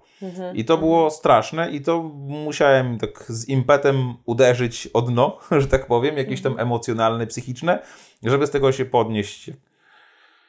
Jak Feniks z No nie chciałem, dobrze, nie chciałem tego użyć, bo to byłoby takie za bardzo, nie? Ale przeczytałam Ale- ci w myślach. To było takie transformujące doświadczenie, podczas którego właśnie pozbyłem się tego zupełnie i oczekiwań swoich Względem siebie? względem siebie i względem świata też. Tak wychodzę z założenia, że nic mi się nie należy, ale też, że ode mnie się tak naprawdę nic nikomu nie należy. Że niczego, chyba, że ktoś ode mnie coś kupuje, wtedy ja składam pewne obietnice, które muszą zostać dowiezione. Ale poza tym niekoniecznie. Na przykład czasami ktoś do mnie pisze maila, na który ja nie odpowiadam. Kiedyś odpowiadałem na wszystkie, teraz niekoniecznie. Na stronie jest wyraźnie napisane. To, że piszesz do mnie maila nie oznacza, że ja muszę ci go No że tak. może na niego ci odpowiedzieć, bo wtedy ty kontrolujesz moje życie, a na to ja się nie zgadzam. Więc też to napisz, a czy odpiszę, to się okaże. Na niektóre odpisuję po tygodniu, na niektóre po miesiącu, na niektóre nie odpisuję. I to też takie oczekiwania, które, którymi się mocno przejmowałem. Mhm. Ale już nie. No widzisz, i to jest takie inne, bo e, jak na przykład byłam w Stanach, byłam w Nowym Jorku, to tam jest taka kultura szybkiego odpisywania. I, i generalnie Amerykanie, zwłaszcza ci tutaj z tego wschodniego wybrzeża, mają coś takiego, że tam jak ktoś ci wyśle maila, to musisz na niego odpisać, w ogóle najpierw w ciągu 24 godzin, bo jak nie, to jesteś skreślony, że nie robią z tobą biznesu, bo ignorujesz tą drugą A, stronę. no to czy ty też tak kiedyś robiłem, presja. odpisywałem, ale znaczy to pre, presja, to nadal tak działa, to też w moim przypadku, niektóre osoby się na mnie poobrażały i biznesu nigdy więcej nie zrobimy, tylko ja to akceptuję, to jest pewien koszt Tak. mojej wolności, o tak. I tego, że to ja decyduję o tym, a nie ktoś. I jeśli ktoś z tego powodu się obraża, no to to też jest jego prawo, ja nie jestem zły. No. Ktoś tam mi napisze, że ale mnie olewasz, nie, już nie chcę mieć z tobą do czynienia. Spoko, na to też nie odpisuję. Mhm. Albo na przykład odpisuję okej. Coraz częściej tak. Jak ktoś nawet do mnie jakiś ma, mm, nie wiem jak to nazwać, jakiś żal czy coś, Mhm. to odpisuję, przyjmuję twój żal, rozumiem go, miłego dnia.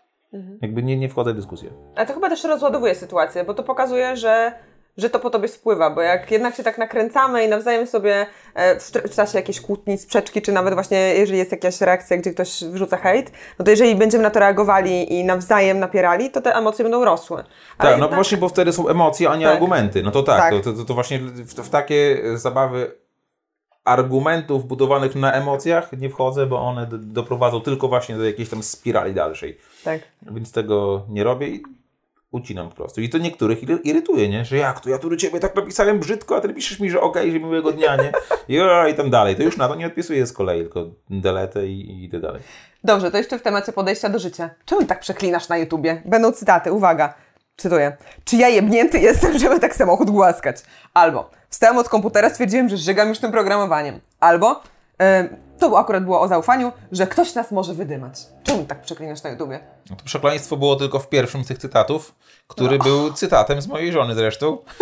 A okej, czyli zwalamy na żonę, że to żona przeklina.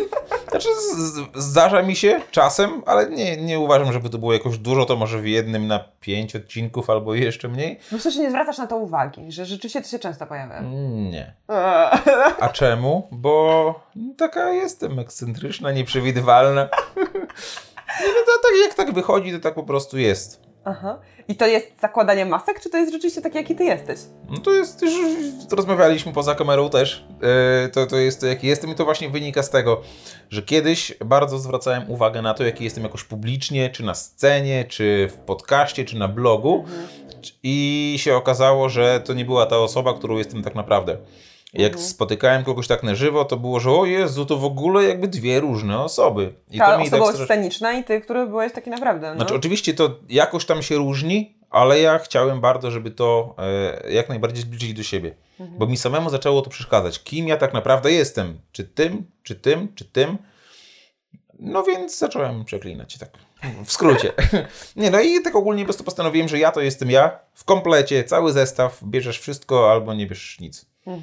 I no i tak to sobie działa teraz. Nawet nie mogę powiedzieć, że jesteś jakoś coraz bardziej jestem taki publicznie, jak jestem na co dzień, bo właściwie jestem już teraz chyba taki sam publicznie i na co dzień, a częścią moich zachowań są też wulgaryzmy i no trudno. Często zdarza się tak, że spotykam osoby, które jakoś tam tworzą w internecie i pierwsze co słyszę to jakaś wiązanka taka, nie, bluzgów. Myślę, Boże święty, a to, to czemu? To, to, to w ogóle jakoś czy mi się to nie spina. No u mnie takiego dysonansu nie ma, ponieważ e, i tu i tu jest podobnie.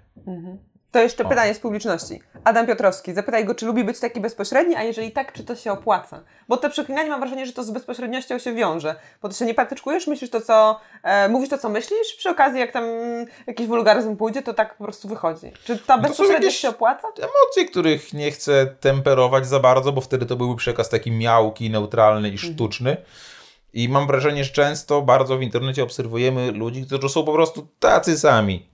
Wzięci z jakiejś foremki, są tacy sami, a wiemy, że na pewno nie są tacy naprawdę. Tylko gdzieś zost- może zostało powiedziane, napisane, że takim trzeba być. No to tacy są. Właśnie dlatego, że to się opłaca, bo wtedy się wchodzi w rolę eksperta, profesjonalisty, w rolę takiego guru. Nie aspiruje do miana guru, eksperta, czy kogoś, kogo Nie warto takie naśladować. etykietki są ci przyczepiane, że o, że guru, że w ogóle będzie zakładał zaraz sektę. No, są takie etykietki przyczepiane. Ale co, cóż mogę powiedzieć? E, Pozdro Adam. Nieraz z Adamem się spotykamy na śniadanku i właśnie między innymi o tym mówimy, że m- Adam czasami ma e, ta, taki komentarz, że ty jesteś jaki jesteś, a mimo to tak to wszystko dobrze działa. A ja myślę, że może właśnie jestem jaki jestem i dzięki temu to dobrze działa, bo ludzie widzą wreszcie jakąś, no kogoś takiego jak oni, kogoś normalnego, kto bluźnie, kto nie wiem, rozleje kawę, kto nie jest po prostu taki na siłę idealny. Jak sobie kupiłem samochód 5,7 litra, nie jestem eko, szczerze mówiąc. Chociaż no nie, może jak wypadałoby. na odcinku tankowanie, to nie, eko nie, Nie. bardzo. E, Nie, nie, nie chodzę aktualnie na jakiś żaden crossfit, basen, siłowni, mimo tego, że może powinienem. Bo to dobry przykład, ale nie. Jak robię e, czy czasami wrzutkę, jak są na przykład wybory, to zdarzało mi się zagłosować na sarnę z krzesłem na głowie. Zdarzało mi się narysować na karcie z wyborami pentagram albo napis na pochybę wszystkim. Czy to jest odpowiedzialne? No może nie jest, ale po prostu to jest jakaś część mnie i ja tego nie cenzuruję. O tak. Ja myślę, że też ta prawdziwość w internecie to jest taki magnetyzm właśnie, tak? Czyli, że tak jak mówisz, nie jest tak, że jesteśmy wszyscy od foremki, tylko jeżeli ktoś pokazuje, tak dla odmiany, jakim jest naprawdę człowiekiem, to to ludzie, ludzie przyciąga. może przyciąga. Znaczy też, żeby nie było jakoś, nie robię tego specjalnie, robię to, bo tak, bo wtedy ja czuję taką spójność, że nie muszę się zastanawiać, jaki ja teraz w tym kontekście mam być, po prostu jestem taki, jaki jestem i tyle. I jak na to ludzie reagują, to jest y, ludzi sprawa. No, tak bym, tak, bym, tak bym powiedział. I też jakby nie, nie, nie krytykuję tego, że ktoś robi inaczej, bo to też jego prawo całkowicie, tylko że wydaje mi się, że jak ktoś widzi kogoś takiego pełnego niedoskonałości, jak nie przymierzając ja, to może jakoś się z taką osobą zidentyfikować. Jak cała moja droga jest dokumentowana na vlogu od, Mhm, tak. Od no nie wiem, że, że ja właściwie jestem jaki jestem od samego początku i tą moją ścieżkę widać na przestrzeni teraz trzech lat na YouTubie, udokumentowaną tak bardzo mocno, to może być takie przeświadczenie, że oto wcale może nie trzeba jakoś tak się strasznie zmieniać, może nie trzeba być jakimś strasznie innym, takim właśnie guru perfekcyjnym, żeby osiągnąć to, co się chce osiągnąć. Chociaż też podkreślam, że ja osiągnąłem nie to, co chciałem osiągnąć, tylko po prostu coś, co inni chcą osiągnąć. Może o, tak. No dobra, a co chcesz osiągnąć w 2020 roku? Jakie są Twoje plany na ten 2020? O jednym powiedziałem, to ten program, szkolenie z testów, to nie jest coś, co chcę osiągnąć, to jest takie jedyne, co prawdopodobnie się wydarzy. Innych planów nie mam. Chcę, żeby dożyć końca. To, to już tak pesymistycznie, dożyć końca. No, no, wolałbym, żeby nic się nikomu z moich bliskich nie stało w tym roku e, nadchodzącym. To, to, to, to chyba tyle. Jakoś nie mam oczekiwań, nie mam no, planów właśnie. Jak będzie ten rok sobie płynął, to ja sobie te plany będę na bieżąco tworzył, co się będzie działo w przyszłym tygodniu, powiedzmy. Wiem, że teraz. Krótkoterminowo. Jest, tak, tak, tak. No, pewnie sobie zrobię coś takiego, że nie wiem, grudzień, styczeń będę miał taki w miarę wolny. Zobaczymy, co mi przyjdzie w wannie do głowy. No tak, w wannie znowu. E, dobra, to ostatnie pytanie w takim razie. Też tak trochę z publiczności, a trochę tak e, jak z rozmowy rekrutacyjnej. Gdzie pan, panie Macieju Aniserowiczu, widzicie pan za 5 lat? W Białym Stoku. W Białymstoku. Dobra, i tym miłym akcentem możemy zakończyć. Dziękuję Ci bardzo. Dziękuję. Dzięki.